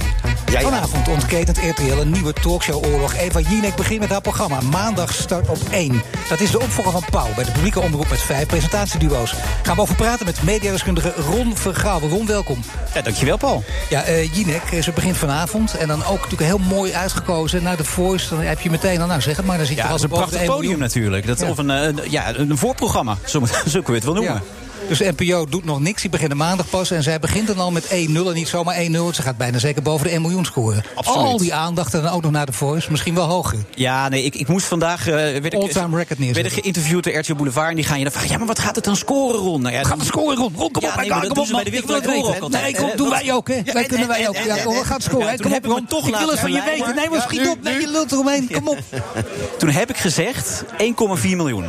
Oh, Oké. nou. Eh, en, en ik denk dat de voice rond de 1,7 zit of zo. Ja, dit is heel gevaarlijk, hè? Want eh, dit, ja, de kijkcijfers zijn eigenlijk niet te Ja, maar het voorspellen. leuke is wel het record. hè. Als je echt een record kan neerzetten, dat is natuurlijk, wel, natuurlijk niet te voorspellen. Maar toch is dat wel mooi. Dat zou kunnen. Heeft ze natuurlijk stiekem ook in de achterhand. Tuurlijk, en er is een Nog hele- nooit hebben zoveel mensen naar een talkshow gekeken. Dat is mooi.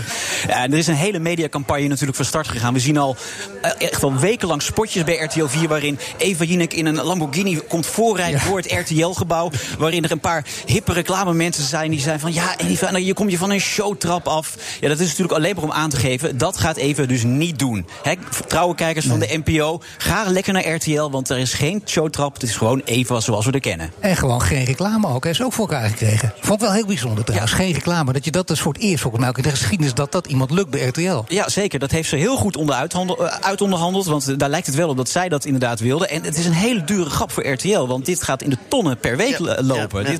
De eerste weken gaat Waarom doen ze dit? Waarom doen ze dit? Wat hebben ze er uiteindelijk bij te winnen? Omdat je dat twee maanden doet en daarna toch eh, gaat terugslaan en dan heel veel geld gaat pakken? Of Nou ja, zou dit de- gewoon een seizoen lang kunnen, denk je? Nee, een heel seizoen niet. Dat gaat echt Onmogelijk. niet. Dat is echt te kostbaar, Paul. Ehm, dit is gewoon om inderdaad die. Er zijn gewoon heel veel kijkers die de NPO eh, trouw zijn. eh, en die denken: ik ga niet naar RTL, want dan heb je de programma's die onderbroken worden door reclames. Om juist die laatste mensen het laatste zetje te geven, toch naar RTL te zetten. Want er zijn nog steeds heel veel mensen die niet naar de commerciële zenders kijken. En ze heeft nog er meer gedaan. En ze heeft zoveel. eh, ja, ik, vind, ik woord uit onderhandelen kan ook niet meer. Gewoon heeft ze onderhandeld. Heeft ze goed gedaan. Ze heeft toen geregeld dat er ook een eigen redactie is. Mag ze gewoon meenemen. Haar eigen redactie. Lekker vertrouwd. Ewart van der Horst ook. De Magic Man op de achtergrond. Hè, die gewoon weet hoe een talkshow gemaakt moet worden. Heel veel mensen gesteund heeft. Ooit begonnen, geloof ik, bij Matthijs van Nieuwkerk. Ja, heeft inderdaad heeft Jinek op de kaart gezet, maar ook de wereld draait door. Heeft ook zelfs ooit in een ver verleden bijvoorbeeld RTL Boulevard ontwikkeld. Dus echt, echt een, ja, de, de man met de magic hands als het gaat om talkshows, programma's... eh, waar het gevoel van de dag symbool staat, of eh, centraal staat. Ja, maar er gaat dus zegt ze zelf ook eh, eigenlijk niet zo gek veel veranderen. Als je gewend bent naar te kijken, wat ze deed op eh, NPO, dan gaat ze nu ook bij RTL doen. Ja, maar dat kan toch niet? Je gaat, dat is toch een rare ambitie? Ze is heel ambitieus ook. Je gaat er wel iets veranderen. Zou heel teleurstellend zijn, of niet? Nou, ik denk dat er inderdaad op lange termijn wel iets gaat veranderen. Maar ze moet nu laten zien: hé, hey, ik doe op een commerciële zender hetzelfde als bij de publieke omroep. Het kan dus wel. En ik ga daarmee eh, jullie eens even laten zien dat daar. Dus wat wij hier doen, dat kan niet, weet je. Die mensen allemaal bij elkaar, die lekker meepraten, meedenken en zo, met ons mee bezig zijn, hè, die gewoon zo Dat, dat, dat zou ook nog een extra zetje zijn natuurlijk, hè? Ja, nou ja, en eh, ze gaat dus ook bijvoorbeeld wat zwaardere onderwerpen. Politiek gaat ze weer herintroduceren op de late avond. Hadden we natuurlijk in ver verleden met Barend en Van Dorp. Heel veel politieke onderwerpen. Frits Wester zat volgens mij elke dag aan tafel. Zeker. En eigenlijk, eh, ja, met Umberto werd het al minder. En met eh, Twan Huis en Bo, ja, is, het, is het politieke aspect in die late night talkshow op RTL een beetje vervaagd. En Jinek gaat het weer Light proberen first. terug te brengen. Ja, terwijl ze op NPO natuurlijk iets lichter was hè, dan Jeroen Pauw bijvoorbeeld. Ja, en zij heeft laten zien dat je politiek echt, als je dat op de juiste manier doet, met de juiste mensen aan tafel, gewoon met een, een, een luchtige insteek, dat je echt politiek voor een breed publiek toegankelijk kan maken. Ze zegt niet, dat zijn allemaal van die vraagjes natuurlijk, hè, van iedereen moet wat vragen, dus op een gegeven moment ga je daar verdienen. Waarom zou ze dat niet gewoon zeggen? Want het, eh, het gaat dus over 1 miljoen per, per, per jaar, dat zou kunnen. Of per En Post zijn dat gewoon, eh, ja, ik wou zeggen per uitzending. Dat zouden wij gevraagd hebben. maar, maar 1 miljoen per Nou, dat jaar. krijg ik nu toch ook, of niet? Ja. ja, ja, moet het even klappen. Nou, Ja, goed. ja, maar het is commercieel, je mag dat. Geld, toch ook maakt 1 niet miljoen kan gewoon. Het kan, gaat ze ook zeker. En, eh, Zegt ze ook heel eerlijk toch gewoon steeds. Hè? Van ik ga ook voor het geld. Ja, nee, dat is heel goed dat ze dat zegt. En het, het grappige is dat het bij haar niet nog een, een negatief stempel heeft gedrukt in de media. Eh, terwijl dat in het verleden, ik bedoel, iedereen denkt natuurlijk gelijk aan Jack Spijkerman, die ook ooit voor het grote geld naar de commerciële ging. Eh, ja, die, die, dat was gewoon het einde van zijn carrière. En bij Jinek is dat nog totaal niet het geval. Nee, maar ik denk ook dat dat eh, anders is in deze tijd. Eh, mensen begrijpen veel meer dat je, net zoals voetballers, gewoon gaat voor waar je ook goed betaald wordt. En in de tijd dat Jack Spijkerman dat deed, werd daar natuurlijk nog eh, schande van gesproken. Dat is nu al veel minder. Nou, er was Maar is er nog wel uitgesproken. Nee, ja, ik denk dat het veel minder is. werd toch ook uitgesproken? Nee, ik denk dat er veel beter begrip is bij kijkers dat, dat het kan zijn dat je gewoon bij een commerciële meer kan verdienen en die stap dan maakt. Het enige is dat dat ritme anders is. En als je het inderdaad een mooie veilige landing krijgt met een goed tijdslot hè, en je gaat vol mooi in eh, met, eh, met eh, 1.7, eh, eh, daar zit geen reclameblok in je programma. Dat is echt ideaal. Dat is Eigen geweldig gedaan. En, en wanneer die blokken er gaan komen, ga je zien dat dat, dat, dat want die gaan natuurlijk komen ergens en dat is een interessant gegeven. Wat wel leuk is, kijk, dat is dan dan gaat weer het voor. inzakken dan? Nou, dat is natuurlijk op een gegeven moment. Het moet zich opbrengen. Dat is heel belangrijk. Dat wij een commerciële zender. Ik, ik ga zeker kijken. Ja, absoluut. En eh, nee, nee, nee, nee. Nee? Ik, ik, probeer. En wat leuker is, dit, bij Beeld en Geluid mogen wij dit eigenlijk niet opnemen. Want- Nee. Want het hoort niet bij ons eh, in dat opzicht. Maar dat doen we wel. Want het is natuurlijk voor heel Nederland een belangrijk moment. Die eerste Ja, uitzending van zo'n eh, Eva, dat, is, ja, dat moet je gewoon in je archief hebben. Nou, niet alleen de eerste, ze moeten allemaal in dat archief. Dat ben ik helemaal met je eens, Ron. Dus we willen dat ook wel de rest ook doen. Maar dat is niet. eh, Er is, eh, er is gewoon een heel, een heel ja, grote collectie te, teloor gegaan. Ik bedoel, dat zit nog wel ergens bij RTL in een stoffenarchief. Maar jij moet dat eruit vissen. jij moet het erin gaan Nou, Wat heel leuk is van, je noemde Baart en Van Dorp. Dat zit allemaal bij ons in het archief. Want dat Ja, hebben ze dat zelf overgedragen. Hebben ze, ja, precies. Die hebben het ons zelf overgedragen. Nee, Ron, je. hebt helemaal gelijk. Klopt. Dus ik ben, ik, dat is waar ik mij nu op dit moment sterk voor maak. Om daar met ons instituut daar natuurlijk een, een echte lans voor te breken. Dat het er gewoon bij hoort. Het is Nederland. Hart van Nederland bijvoorbeeld, ook een belangrijk programma geweest voor de journalistiek. eh, zit Ik niet ben, in er jouw zelf, ik ben er zelf over deur van geweest. Dus ik weet Ja, daar hoe praat lang het heel is. graag over. Ja, zeker. Ja, jawel, zeker. Er Een over. jaar lang gedaan. Een jaar lang. Nee, echt. Ja, het is bijna, dat is zo eindeloze tijd. Als dat. We gaan nu kijken naar op één. Want ja, het is toch een beetje weer ja, slappe reactie ook hè, bij de publieke omroep. Dat, ja, we, misschien zijn we wel naïef geweest en eh, we zagen het niet helemaal aankomen. Hoe kan dit toch allemaal? Ja, dit is gewoon een fout geweest. Je moet gewoon als, als een van je ankerpunten in je programmering is een late night show. En daar zijn twee mensen heel belangrijk, Eva Jinek en Jeroen Pauw. Dan moet je gewoon een goede bestuurder, een goede leider, die zorgt gewoon... oké, als deze spitsen, om het maar even in de sporttermen te zeggen, wegvallen... dan moet je daar een opvolger voor hebben klaargestoomd. En ze zijn pas eigenlijk nu een jaar lang zijn ze met dat, dat na het nieuws, weet je, op zo'n onvindbare zender hebben ze geprobeerd... En dan zeggen ze daarna nog echt dodelijk. eh, ja, we hebben de tien gevonden. Dat is eigenlijk heel goed. Want we hebben dus tien hele goede mensen. Maar inderdaad, één echt hele goede hebben we niet gevonden. Nee. Geef eens al toe. Waarmee Nou ja, je die tien ook meteen disqualificeert. En voor ze begonnen zijn. Ja, nou ja, in, indirect vanochtend in de Volkskrant heeft eh, Frans Klein erover inderdaad Ja. gezegd van eh, dat hebben we, hadden we misschien niet goed aangepakt. Of in ieder geval, er stond niemand klaar. Dat speelde ook mee. Ze zeggen nu van ja, het is avontuurlijk en we geven jong talent een kans. Prima, maar op het hoofdpodium, daar moet gewoon een A-ster staan. Zeker. Nou ja, en Nou, eh, jong we gaan het talent, zien. eh, maar we Charles gaan het zien, hè. Groenhuizen gewoon, hè, Ja, die zit er maar- ook bij natuurlijk. kader niks, gewoon echt, alle leeftijden mogen meedoen. Ja. Nou ja, Thijs eh, der Jij er niet tussen staat, Paul. Dat is eigenlijk heel raar. Nou nee, we geen publieke omroep. Erik Dijkstra, Willemijn Veenhoven, Joe Vanka doet mee. eh, Thijs van de Brink natuurlijk. Ja, die duo's, het is wel een beetje, dat roept iedereen. we hadden een beetje de meest bijzondere is ook een Gio beetje Vanka, denk ik, wedstrijdje. toch? Dat vinden we, dat ze, die- die Gio Vanka is natuurlijk niet... eh, Dit deed Vanka de en vrije Thijs van der geluiden voor de. VPRO op zondagochtend. Ja, ja, nou, maar totaal iets anders Ja, natuurlijk. ja, ja. Maar wel heel spannend. Kijk, ik als Maar een soort wedstrijd, een wedstrijdje ook, dat, dat gaat het ongetwijfeld worden. Dat is misschien het enige leuke aspect eraan. Maar of dat meer kijkers gaat scoren. Ja, je, moet- je- we gaan nu natuurlijk allemaal kijken. Gaat het duo eh Carrie ten Napel en eh Charles Groenhuizen... gaat dat meer kijkers trekken dan eh, Willemijn Veenhoven... en wie- degene die daarnaast Zeker, zit? Ja, ja. ik bedoel, daar gaan we wel naar kijken straks. Hoe erg dat het ook is voor die mensen. En we moeten ons allemaal aan eraan wennen weer. Hè. Dat is bekend. Hè. Je moet wennen. Het begint de eerste keer dat je iemand voor het eerst ziet... de- in, in een hoog, hoog publieksgehalte. denk je, oké, wat voor trui, wat voor neus... hoe is het stemgeluid? Ja, Dat, het eh, allerbelangrijkste. En als je maar één keer per week dat kan doen... Dat- en je hebt de volgende dag weer... Ja, dat, is best, dat wordt best spannend. Ik, Ja. en, maar, maar ik vind ook het goede ervan. Want je kunt ook blijven zwemmen in die, in die zee van gemak, noem ik dat dan maar. En ook hier weer voor ons instituut is het natuurlijk prachtig om te zien... eh, wat, dit, wat dit gaat doen. Ja, nee, kijk, voor ons als mediawatchers, zo noem ik ons drieën maar even hier...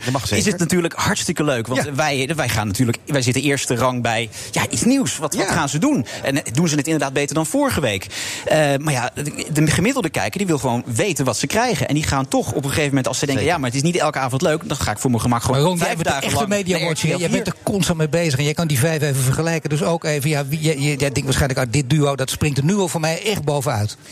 Ehm, nou ja, toch eh, Willemijn Veenhoven en Erik Dijkstra... die volgens mij maandag eh, van start gaan. Is het ook de beste dag trouwens, maandag? Of is toch vrijdag per definitie de best scorende dag? Ehm, nou, vrijdag sowieso niet op, eh, op NPO 1. Want dan, dan eigenlijk wint altijd RTL 4 als daar de Voice Ja, staat. Dus wel, daar gaat dus even vanavond van profiteren. Zoveel heel brand Hugo Lochtenberg, dat balen.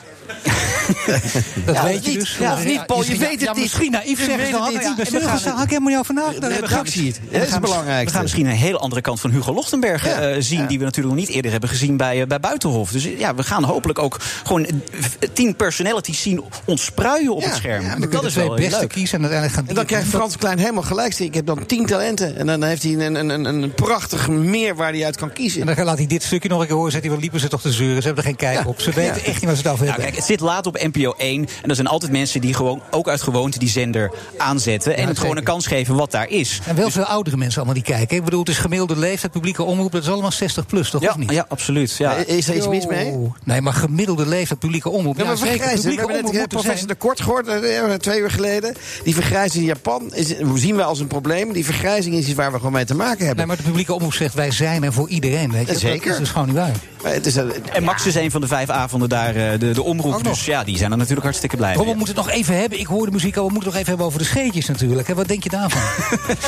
Ja, eh, Nee, maar dat zou toch gek zijn? we zitten nu niet? mensen te denken, dit is scheetjes. Ja, Wat de scheetjes. Paul nu opeens voor rare Ja, nee, natuurlijk, de scheetjes. Kom op. Ja, de nieuwe reality soap is dat op eh, maandagavond bij SBS 6. Ja, SBS, afgezien hiervan... op, ja. Ja, nee, ik, ik moet het maar zien. Want het is natuurlijk, we hebben natuurlijk Chamo- Chateau Meiland eh, gehad met de Meilandjes. Dit is weer zo'n serie. Maar wat wel opvalt, dit jaar Oh, gaat. Talpa echt een beetje de maatschappelijke kant op. Want ze hebben een programma over Alzheimer, over oudere mensen. Nog een, eh, nog een paar eh, maatschappelijke dingen die ze aan de, kaart, eh, aan de kaak willen stellen. Dus ja, dat zijn wel opvallende dingen bij Talpa. Ik ben benieuwd of dat ook bij zo'n commerciële zender En aanslaat. RTL heeft hoge verwachtingen van het nieuwe seizoen van Married at First Sight met Carlo Bossart. Moet je even zeggen wat dat precies is? Hè? Married at First Sight. Ja, dat zijn, dat zijn zo'n een eh, datingshow waarbij mensen op basis van ja, wetenschappelijk onderzoek aan elkaar worden gekoppeld en gelijk moeten trouwen voordat ze elkaar ontmoeten. En dan is de vraag, ja, toch uit, ja, je bent getrouwd, dus je moet even met elkaar door een deur. Ja. Wordt het dan uiteindelijk een match of niet? Nou, dat is een programma wat in het verleden op zondagavond het heel goed deed. Ook natuurlijk omdat mensen op zondagavond bijvoorbeeld ook Boer zoekt vrouw kijken. Dus een datingprogramma op zondag, nou, dat scoorde heel goed. Maar nu komt het op maandag en op dinsdag bij RTL. Ja. Verheug je daarop of denk je vanuit? nou, het is een heel leuk programma, maar ik weet niet of je het twee avonden na elkaar uh, prime time moet zetten. Nee, ik vind het ook spannend. Dat is wel heel spannend. Je twee keer het, hè, in één week. Ja. Is wel. eh hey, ik ja, had jij dat met mijn gewild vrouw op deze getrouwd. Dus ik ben jij zo eh, aan je vrouw gekomen of niet? Nee, nee, nee. Dat was echt puur eh, onwetenschappelijk, zeg maar.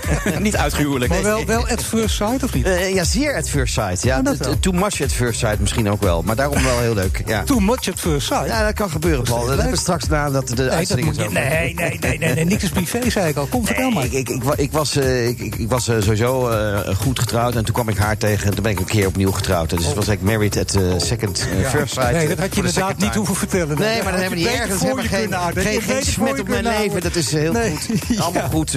iedereen woont gelukkig met elkaar. Dat moet je Rolf Vergouwen, die gaat, jij gaat je echt helemaal verkneukelen. Oh, de komende weken, ik zit, ik, zit, ik zit elke avond met verheugen op alles. Oké, dankjewel. En zometeen, En ik met hem, hè, ik met hem. Hè. De, de archivaris is ook ruim En ik nu al, want zometeen seksuoloog Evelien Stallaert is de gast over Married at First Sight. Hoe triest het, Het kan niet op. Ja, geweldig. Wat een uitzending. BNR Nieuwsradio. The Friday Move. Our president will start a war with Iran. Het is een soort rockster in eh, Iran. Er zijn de afgelopen dagen bombrieven tussen de post aangetroffen. Ja, het is eh, Apocalypse Now, kopte een uh, Australische krant eh, hier. Paul van Liemt. Eerst trouwen en elkaar dan pas leren kennen. Is dat niet vragen om problemen?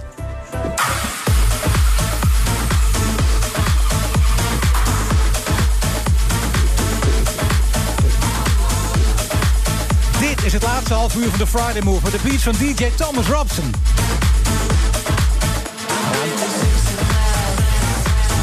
Ja hoor.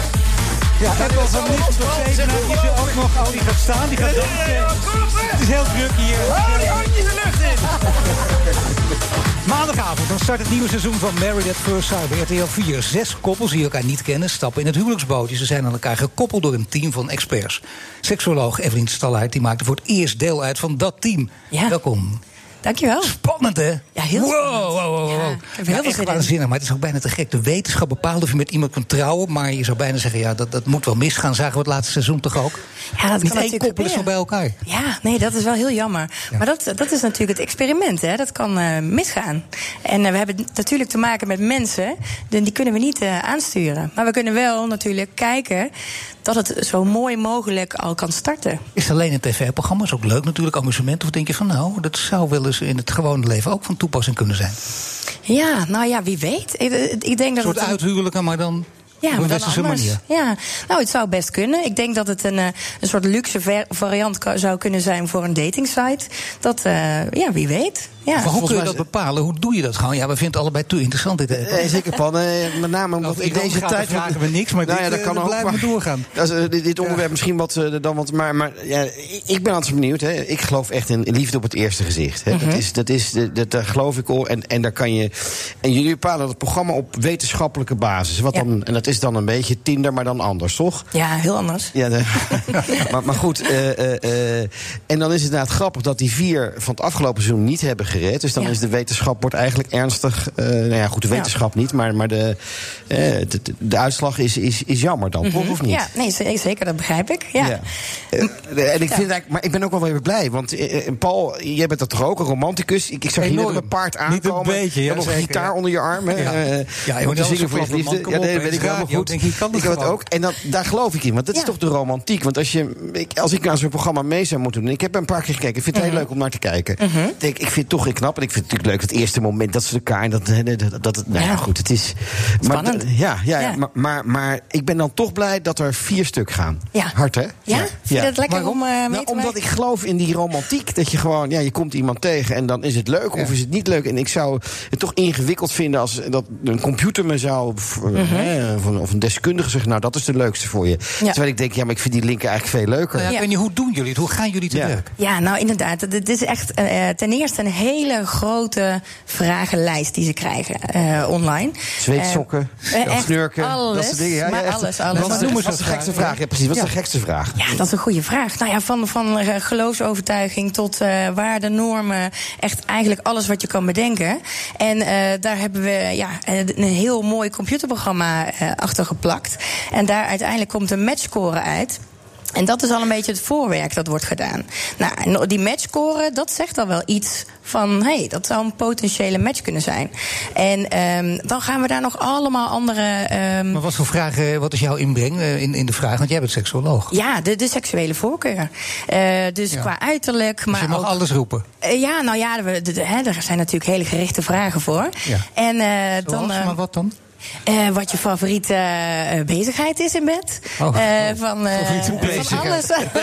Boek lezen, CPMD. Of je bent van het zachte of het wat hardere verhaal. Ja. Ehm, dus nee, er wordt van alles daarin gevraagd. Dus daarin weten we eigenlijk al heel veel. Nou, daarnaast gaan we natuurlijk kijken de, met, met, met de mede-experts, die een relatietherapeut, psycholoog zijn en relatiewetenschapper.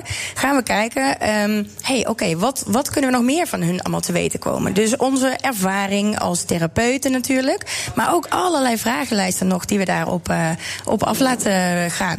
Dus dat, dat tezamen. Heb jij het idee, als je dit heel goed doet, als je dit heel goed doet, dat Ja. je dus echt in staat bent om mensen die elkaar niet kennen, toch voor het leven lang aan elkaar te koppelen? Ik denk dat we een heel eind komen. Alleen waar het denk ik nog steeds moeilijk is. Is dat je ehm, een mens niet kan sturen op sociaal wenselijk zijn.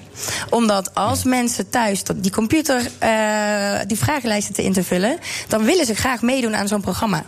Dus ben je dan heel eerlijk? En dat kunnen wij natuurlijk niet sturen. Nee. Dus wij vragen aan de mensen: wees zo eerlijk naar die mogelijk. mensen toe gaan en goede vragen gaan stellen? En zorgen Ja. dat ze echt alles vertellen wat ze serieus vinden. Zou, zou jij op deze manier aan een relatie kunnen komen, denk je, of niet? Ehm, nou, ik zou denken, als het in het dagelijks leven niet lekker loopt met hè, iemand ontmoeten, met leuke mensen leren kennen, dan kan ik me wel voorstellen dat het misschien is, iets is waar je naar zou kunnen uitwijken.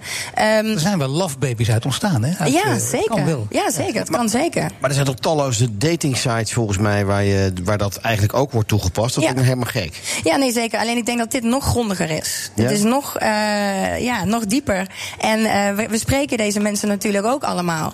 En daarin gaan we echt kijken van, ja, wat, ja zeker één op één. eh, uiteindelijk En kom wat je je... net zei, doet alleen maar lijst en dan weet je niet Nee, dat je is het sociaal begin. Nee, dat is het beginwerk. Dat is het beginwerk. En Nou, dan ga je die uiteindelijk. ja, wenselijke er toch uit gewoon daarna? Ja, nou, daar doen we ons best voor. Maar ja, je zou eigenlijk eh, met, de, met ze mee in de kroeg moeten gaan... en ze even Ja. een drankje kunnen geven. Maar er is geen geld Dan voor. leer je Er pas echt budget werken. voor. Is geen budget Veel te veel werk. Het gaat allemaal naar Eveline.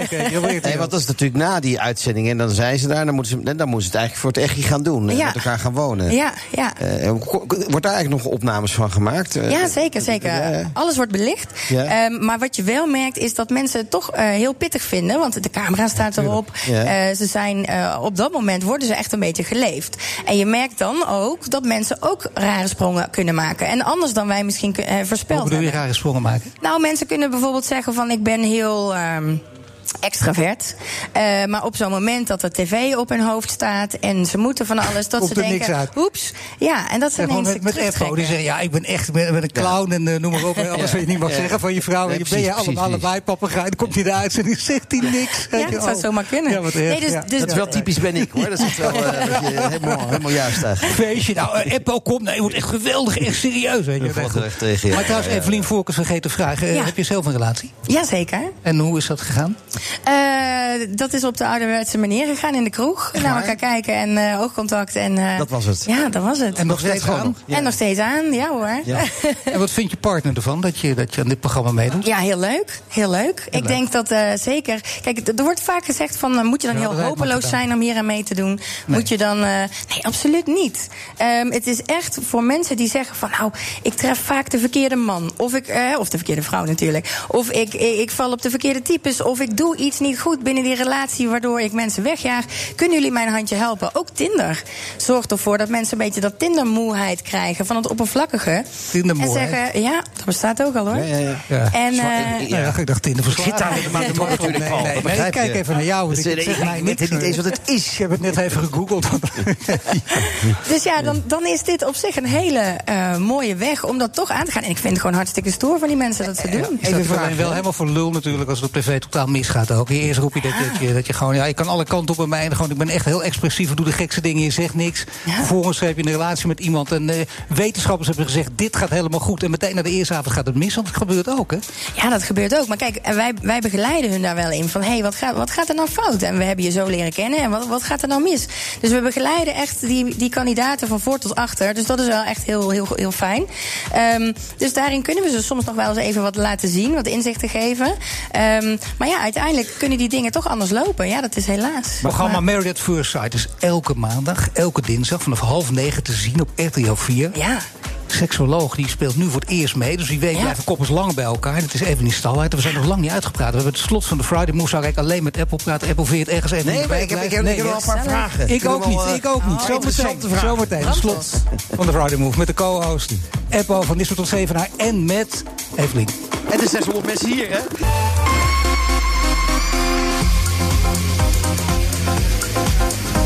Dit is de slotfase van de Friday Move. Eppo, die is hier natuurlijk nog steeds. Eppo van tot Zevenaar. Die maakt natuurlijk helemaal waar wat we van het begin eh, af aan eh, ja, ook hebben geroepen. En, eh, dat is zo, hè? Ja, zeker, Tot nu toe gaat het heel goed, maar nog even. En eh, gelukkig zit hier ook nog seksoloog Evelien Stalhuyt. Ja, ja, ja, die ja. doet mee aan het programma Married at First Sight. En ja, ze vonden het een beetje een negatief gesprek, hè? Allemaal even- Ja, er waren namelijk ook een heleboel goede dingen. Maar ik- hele goede ja, dingen waren. Ja, dat, maar dat geloof goede ik ook. dingen, echt goede Ja, dingen. ja, ja. Maar, ze- zijn dan de dat- goede dingen? Ik vind dat wel heel... Ja, oké. Ja, goede nee, zeker. Nee, maar ik wil gewoon benadrukken dat het ook heel veel eh, leuks heeft gebracht. En dat gaan jullie allemaal zien. Ja, oké, maar dat, is, dat, dat, dat geloof ik ook, hè. Eh, even gewoon een vraag, Ignat. Je hebt een eh, Ja. nieuwe partner, een café ontmoet. Die Ja. weet hij dan al wie of wat je bent, bijvoorbeeld, of niet? Ik in mijn privé bedoel Ja, je? ja, gewoon. Oh, hebben we het nou over mij? Ja, maar ik vraag even gewoon omdat... Dat is meer dat... dat Ja, nee, maar- ja dat, was, daar zat ik even mee. Ja, gewoon. Nee, nou. Want als je dan weet wie jij bent, dan Ja. lijkt me dat toch lastig. Ja? Nee, dat, hè, Ja, dat want dan denk wel. ja, Nee, want dan moet je opeens denken... Ja, goeie. ja, dan denk Nee, je, jezus, ik moet eerst een heel boek lezen voordat ik... eh, of is dat niet zo? Ik denk meteen, moet mijn best Nou, lees ik graag boek in bed, Zal heb ik al gezegd. Ja, ja. Nou, het grappige is dat veel mannen zo reageren. Zo Ja. van, oh, oh, oh, Ja. oh. Maar terwijl eigenlijk heel veel vrouwen dan zeggen... oh, maar vertel, vertel. Die willen alles weten. Nou, dat- dat wil ik ook wel. Nou, maar, mannen maar- die blijven wel een beetje op de achtergrond. Ja? Die denken, wat, wat weet zij dan dat ik niet weet? Of wat ziet zij aan mij hoe mijn seksleven is? Jij hebt Nou een ja. praktijk in, in Amsterdam. Wat je in die praktijk vooral? Ik bedoel, waar, waar klagen mensen vooral over als het gaat over hun seksuele leven? Ja, ze komen nou, dat- natuurlijk naar jou als ze klagen. Ja, ja, nee, tuurlijk. En men- nou ja, klaar inderdaad. Mensen komen echt met een serieus probleem. En dat is eh, vaak eh, problemen met, eh, met de zin. Dus verminderd verlangen. Ehm, Nog geen en, zin in seks. Ja, ja, en dan En een van de twee. Ja, dat kan heel veel redenen hebben. Maar, Maar je- wat komt echt heel vaak voor dat je zegt, nou, dit hoor ik nou echt de tiende keer deze week. Dat ze geen zin hebben om die reden. nou ja, me- en mensen met, eh, met een burn-out, die een burn-out hebben gehad. eh, waardoor. Eh, dat, ja. ja, maar dat, ja, dat gebeurt. Maar dan wel. De burn-out, ik ook niet hoor. nog. Nee, maar daarvan opkrabbelen en dan nog wel eh, daar de. Nee, maar de- dat vind ik ook voor de hand. Maar ik bedoel echt dingen die we van zeggen, nou, daar zouden we helemaal niet aan denken. Maar toch, mensen Nou ja. hebben gewoon geen zin. Ja, mensen die, die te veel porno kijken. Die te veel porno Ja, kijken. ja. Ik zei al, Paul, Oh, dat ja, moet je dat- niet doen. maar dat archief van jou, dat hele beeld en geluid, dat is een en al. Ik bedoel, 80% porno toch, of niet? Allemaal opgeslagen Nee, nee, nee, nee, nee, nee. voor de publieke Oh. En dan, kunnen mensen, en dan kunnen mensen problemen krijgen met, eh, met de opwinding. En dan dus ook Dus door verder gaan te veel gevolgen. porno te kijken, nou, dat zijn Ja. wel wijze lessen gewoon die we even het nieuwe jaar zo meegeven. ook. Ja, niks Maar- tegen porno Maar hoor. is het dan niet zo dat, dat, dat bijvoorbeeld de jeugd van tegenwoordig, nu spreekt opa hier, maar, Mhm. maar daar ook heel makkelijk toegang toe geeft, is een, een, een beeld gaan krijgen van hoe dat nou eigenlijk allemaal moet. Ja, zeker. Dat je dus eerst allerlei touwen moet hangen Ja. en, eh, en veel moet slaan Ja. en eh, weet ik veel wat. Ja. Ik kijk het nooit hoor. Nee. Maar eh, ik hoor het altijd. Hè. Het is, nee, maar hoe- is, is, dat, is dat niet zo? Bijvoorbeeld voor de jeugd lijkt Nee, mij- zeker. Nee, zeker. Het, het beeld is, is, is natuurlijk alleen al hè, wat het schept. dat is alleen al niet heel fijn. Ehm, want dan komt een verkeerde norm door. Ehm, maar wat ook ehm, het effect op het brein is eigenlijk ook een heel belangrijk iets. Het zorgt ervoor, nou ja, om, om niet al te lang verhaal te maken. eh, is je echt eh, nee, dat, heb je tijd, hoor, doe maar dat de dopamine eh, level heel erg omhoog gaat. En als jij dat maar vaak genoeg doet, dus hè, masturberen in combinatie met, met porno, dan raak je gewend aan dat dopamine shot wat je steeds krijgt. En dat dopamine shot wat je krijgt als je ehm, met je partner seks hebt, dat is lang niet zo hoog.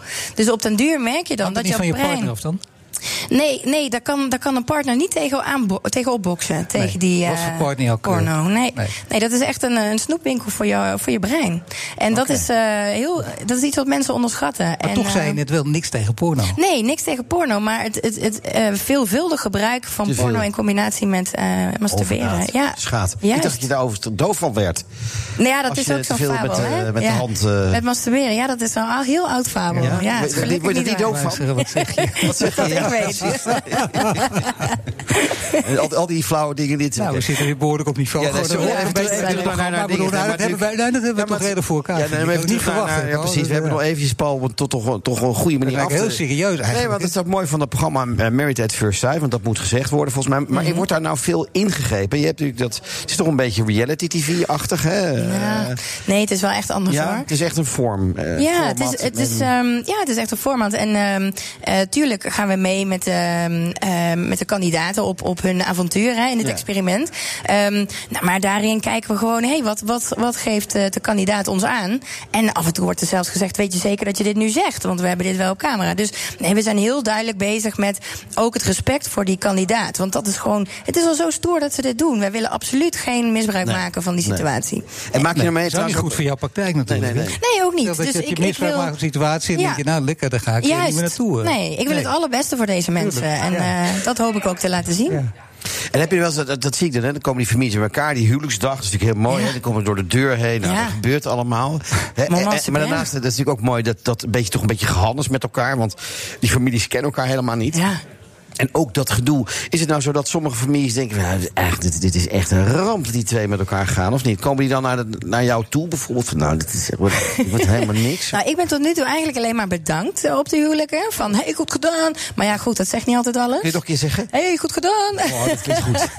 Ah, sociaal het ligt eraan waar ze vandaan komen, hè. Zo, ik, daar pas ik me op aan. Waar kom je Maar, toch ehm, vandaan? Want je hoort het niet, hè? Apple? Nee, idee? absoluut Strak niet. Amsterdam, sorry. Ja, Ja, joh, ik ook, ja. kijk in Amsterdam. Echt, ja. Ja, maar dat zegt niks, hè. Maar ehm, nee, dus tuurlijk. En je krijgt af en toe een, eh, een beetje van die awkward momenten. Eh, maar dat is ook wel grappig. En eh, ja, soms dan zijn er ook familieleden die er toch niet helemaal blij mee zijn. Maar dan is het, ja, heb je er respect voor of niet? En nou ja, dat is, daar is ook allemaal wat voor te zeggen. Prachtig, toch? Ja, ik, ik, ik, ik, ik, ik zelf zou daar denk ik niet aan meedoen. Eh, al was het maar omdat ik gelukkig getrouwd ben. Lieverd, ik ben gelukkig getrouwd, hè? Ja. Eh, Ja, dat vergeten we steeds. hè, Want de vrouw van Eppo zit hier ook. straks Is nog dat verstandig? Dat wordt een moeilijk gesprek in de auto. Dat wil ik zeker. niet. Lastig ook. hè? Ja. Ik hou me daar ook een beetje in, merk ik. Eigenlijk niet nodig. Eppo, even nog eens voor jou. Kijk, je bent vijf jaar, twee jaar ben je nu eh, directeur van. Beeld en Geluid. En om de vijf jaar wil jij wat nieuws over dopamine gesproken trouwens. Hè? Oh ja. Dus dan denk ik toch, ja, die man die wil weer wat anders, wil wat anders. Wat wil je? Heb je dat nu al in je hoofd? Nee, nee, nee, nee daar, dan- daar, daar heb ik sowieso nooit. Hè, dat, eh, je vroeg eerder in de uitzending: ben je ergens bang voor? Nou, je moet niet bang zijn om te verliezen, zeg ik altijd. Dat kan je heel goed. Verliezen kan soms ook enorm winnen zijn. En je moet ook niet altijd bang zijn. verliezen kan enorm winnen zijn. Ja, soms. Als jij eh, bewust verliest, kan dat een winst zijn. Dus dat, je bewust- Ja, dat klinkt heel raar. Maar dat is, eh, in schaken is dat. Of in je, soms een positie geven aan iemand anders. Eh, dan ga ik er wel heel diep op in. Maar eh, als je verlies ziet als een verlies. Maar soms is dat juist een enorme winst. Het is maar hoe je ernaar Dus kijkt. dan denken de mensen dat jij verloren hebt, maar eigenlijk is het Ja, en voor mij is dat is, gewonnen. ja, ja, nou ja, voor mij is het zo dat die vijf jaar is niet Uitgeschakeld Ajax, weet je wel, die halve finale. Nou ja, dat is natuurlijk- een dat is 3-2 denk ik verloren, maar eigenlijk... op de echte emotie kan natuurlijk missen. Maar soms is het beter om dingen te laten. En voor nu heb ik, eh, hebben ze ook gezegd, ga je nu weer vijf jaar? Eh, ik heb gezegd, nou, dat, daar doe ik geen uitspraak meer over. Eh, ook omdat het mensen heel erg onrustig maakt. Ja. En als je iets wil doen van de verandering... Ik wil alleen geen, ik wil niet het instituut worden. En dat zal ik ook niet zijn. Dus op het moment dat ik het instituut ga worden... dat klinkt heel erg ego-achtig, dan ben ik weg. Maar dan moet niet iemand steeds beginnen te zeiken, zoals ik ook doe. Nog drie jaar, dan volgend jaar nog twee Nee, jaar. Zo precies. Ja, je zet maar- en wat heb je nou nou bereikt en zo? Misschien blijf Ja. je wel tien jaar. Kan. Ja, dat zou zomaar kunnen. En, en dit is echt een geweldige baan. Hier komt alles samen. Eh, een beetje married at first sight, maar dan anders. Eh, de liefde, de, eh, je bent bezig met letterlijk de maatschappij een beetje beter maken. Je, hebt de, de- je, je mag eh, mensen eh, bevragen. Je mag op, eh, archiveren voor de eeuwigheid. We hebben het over mediawijsheid. Mensen meer geletterd, meer digitaal angehaucht. Om maar eens een goed Duits woord te gebruiken. eh, te, te kunnen doen. Echt met die samenleving bezig op het alle niveaus. En dat is echt geweldig. En dat maakt dat instituut hartstikke leuk.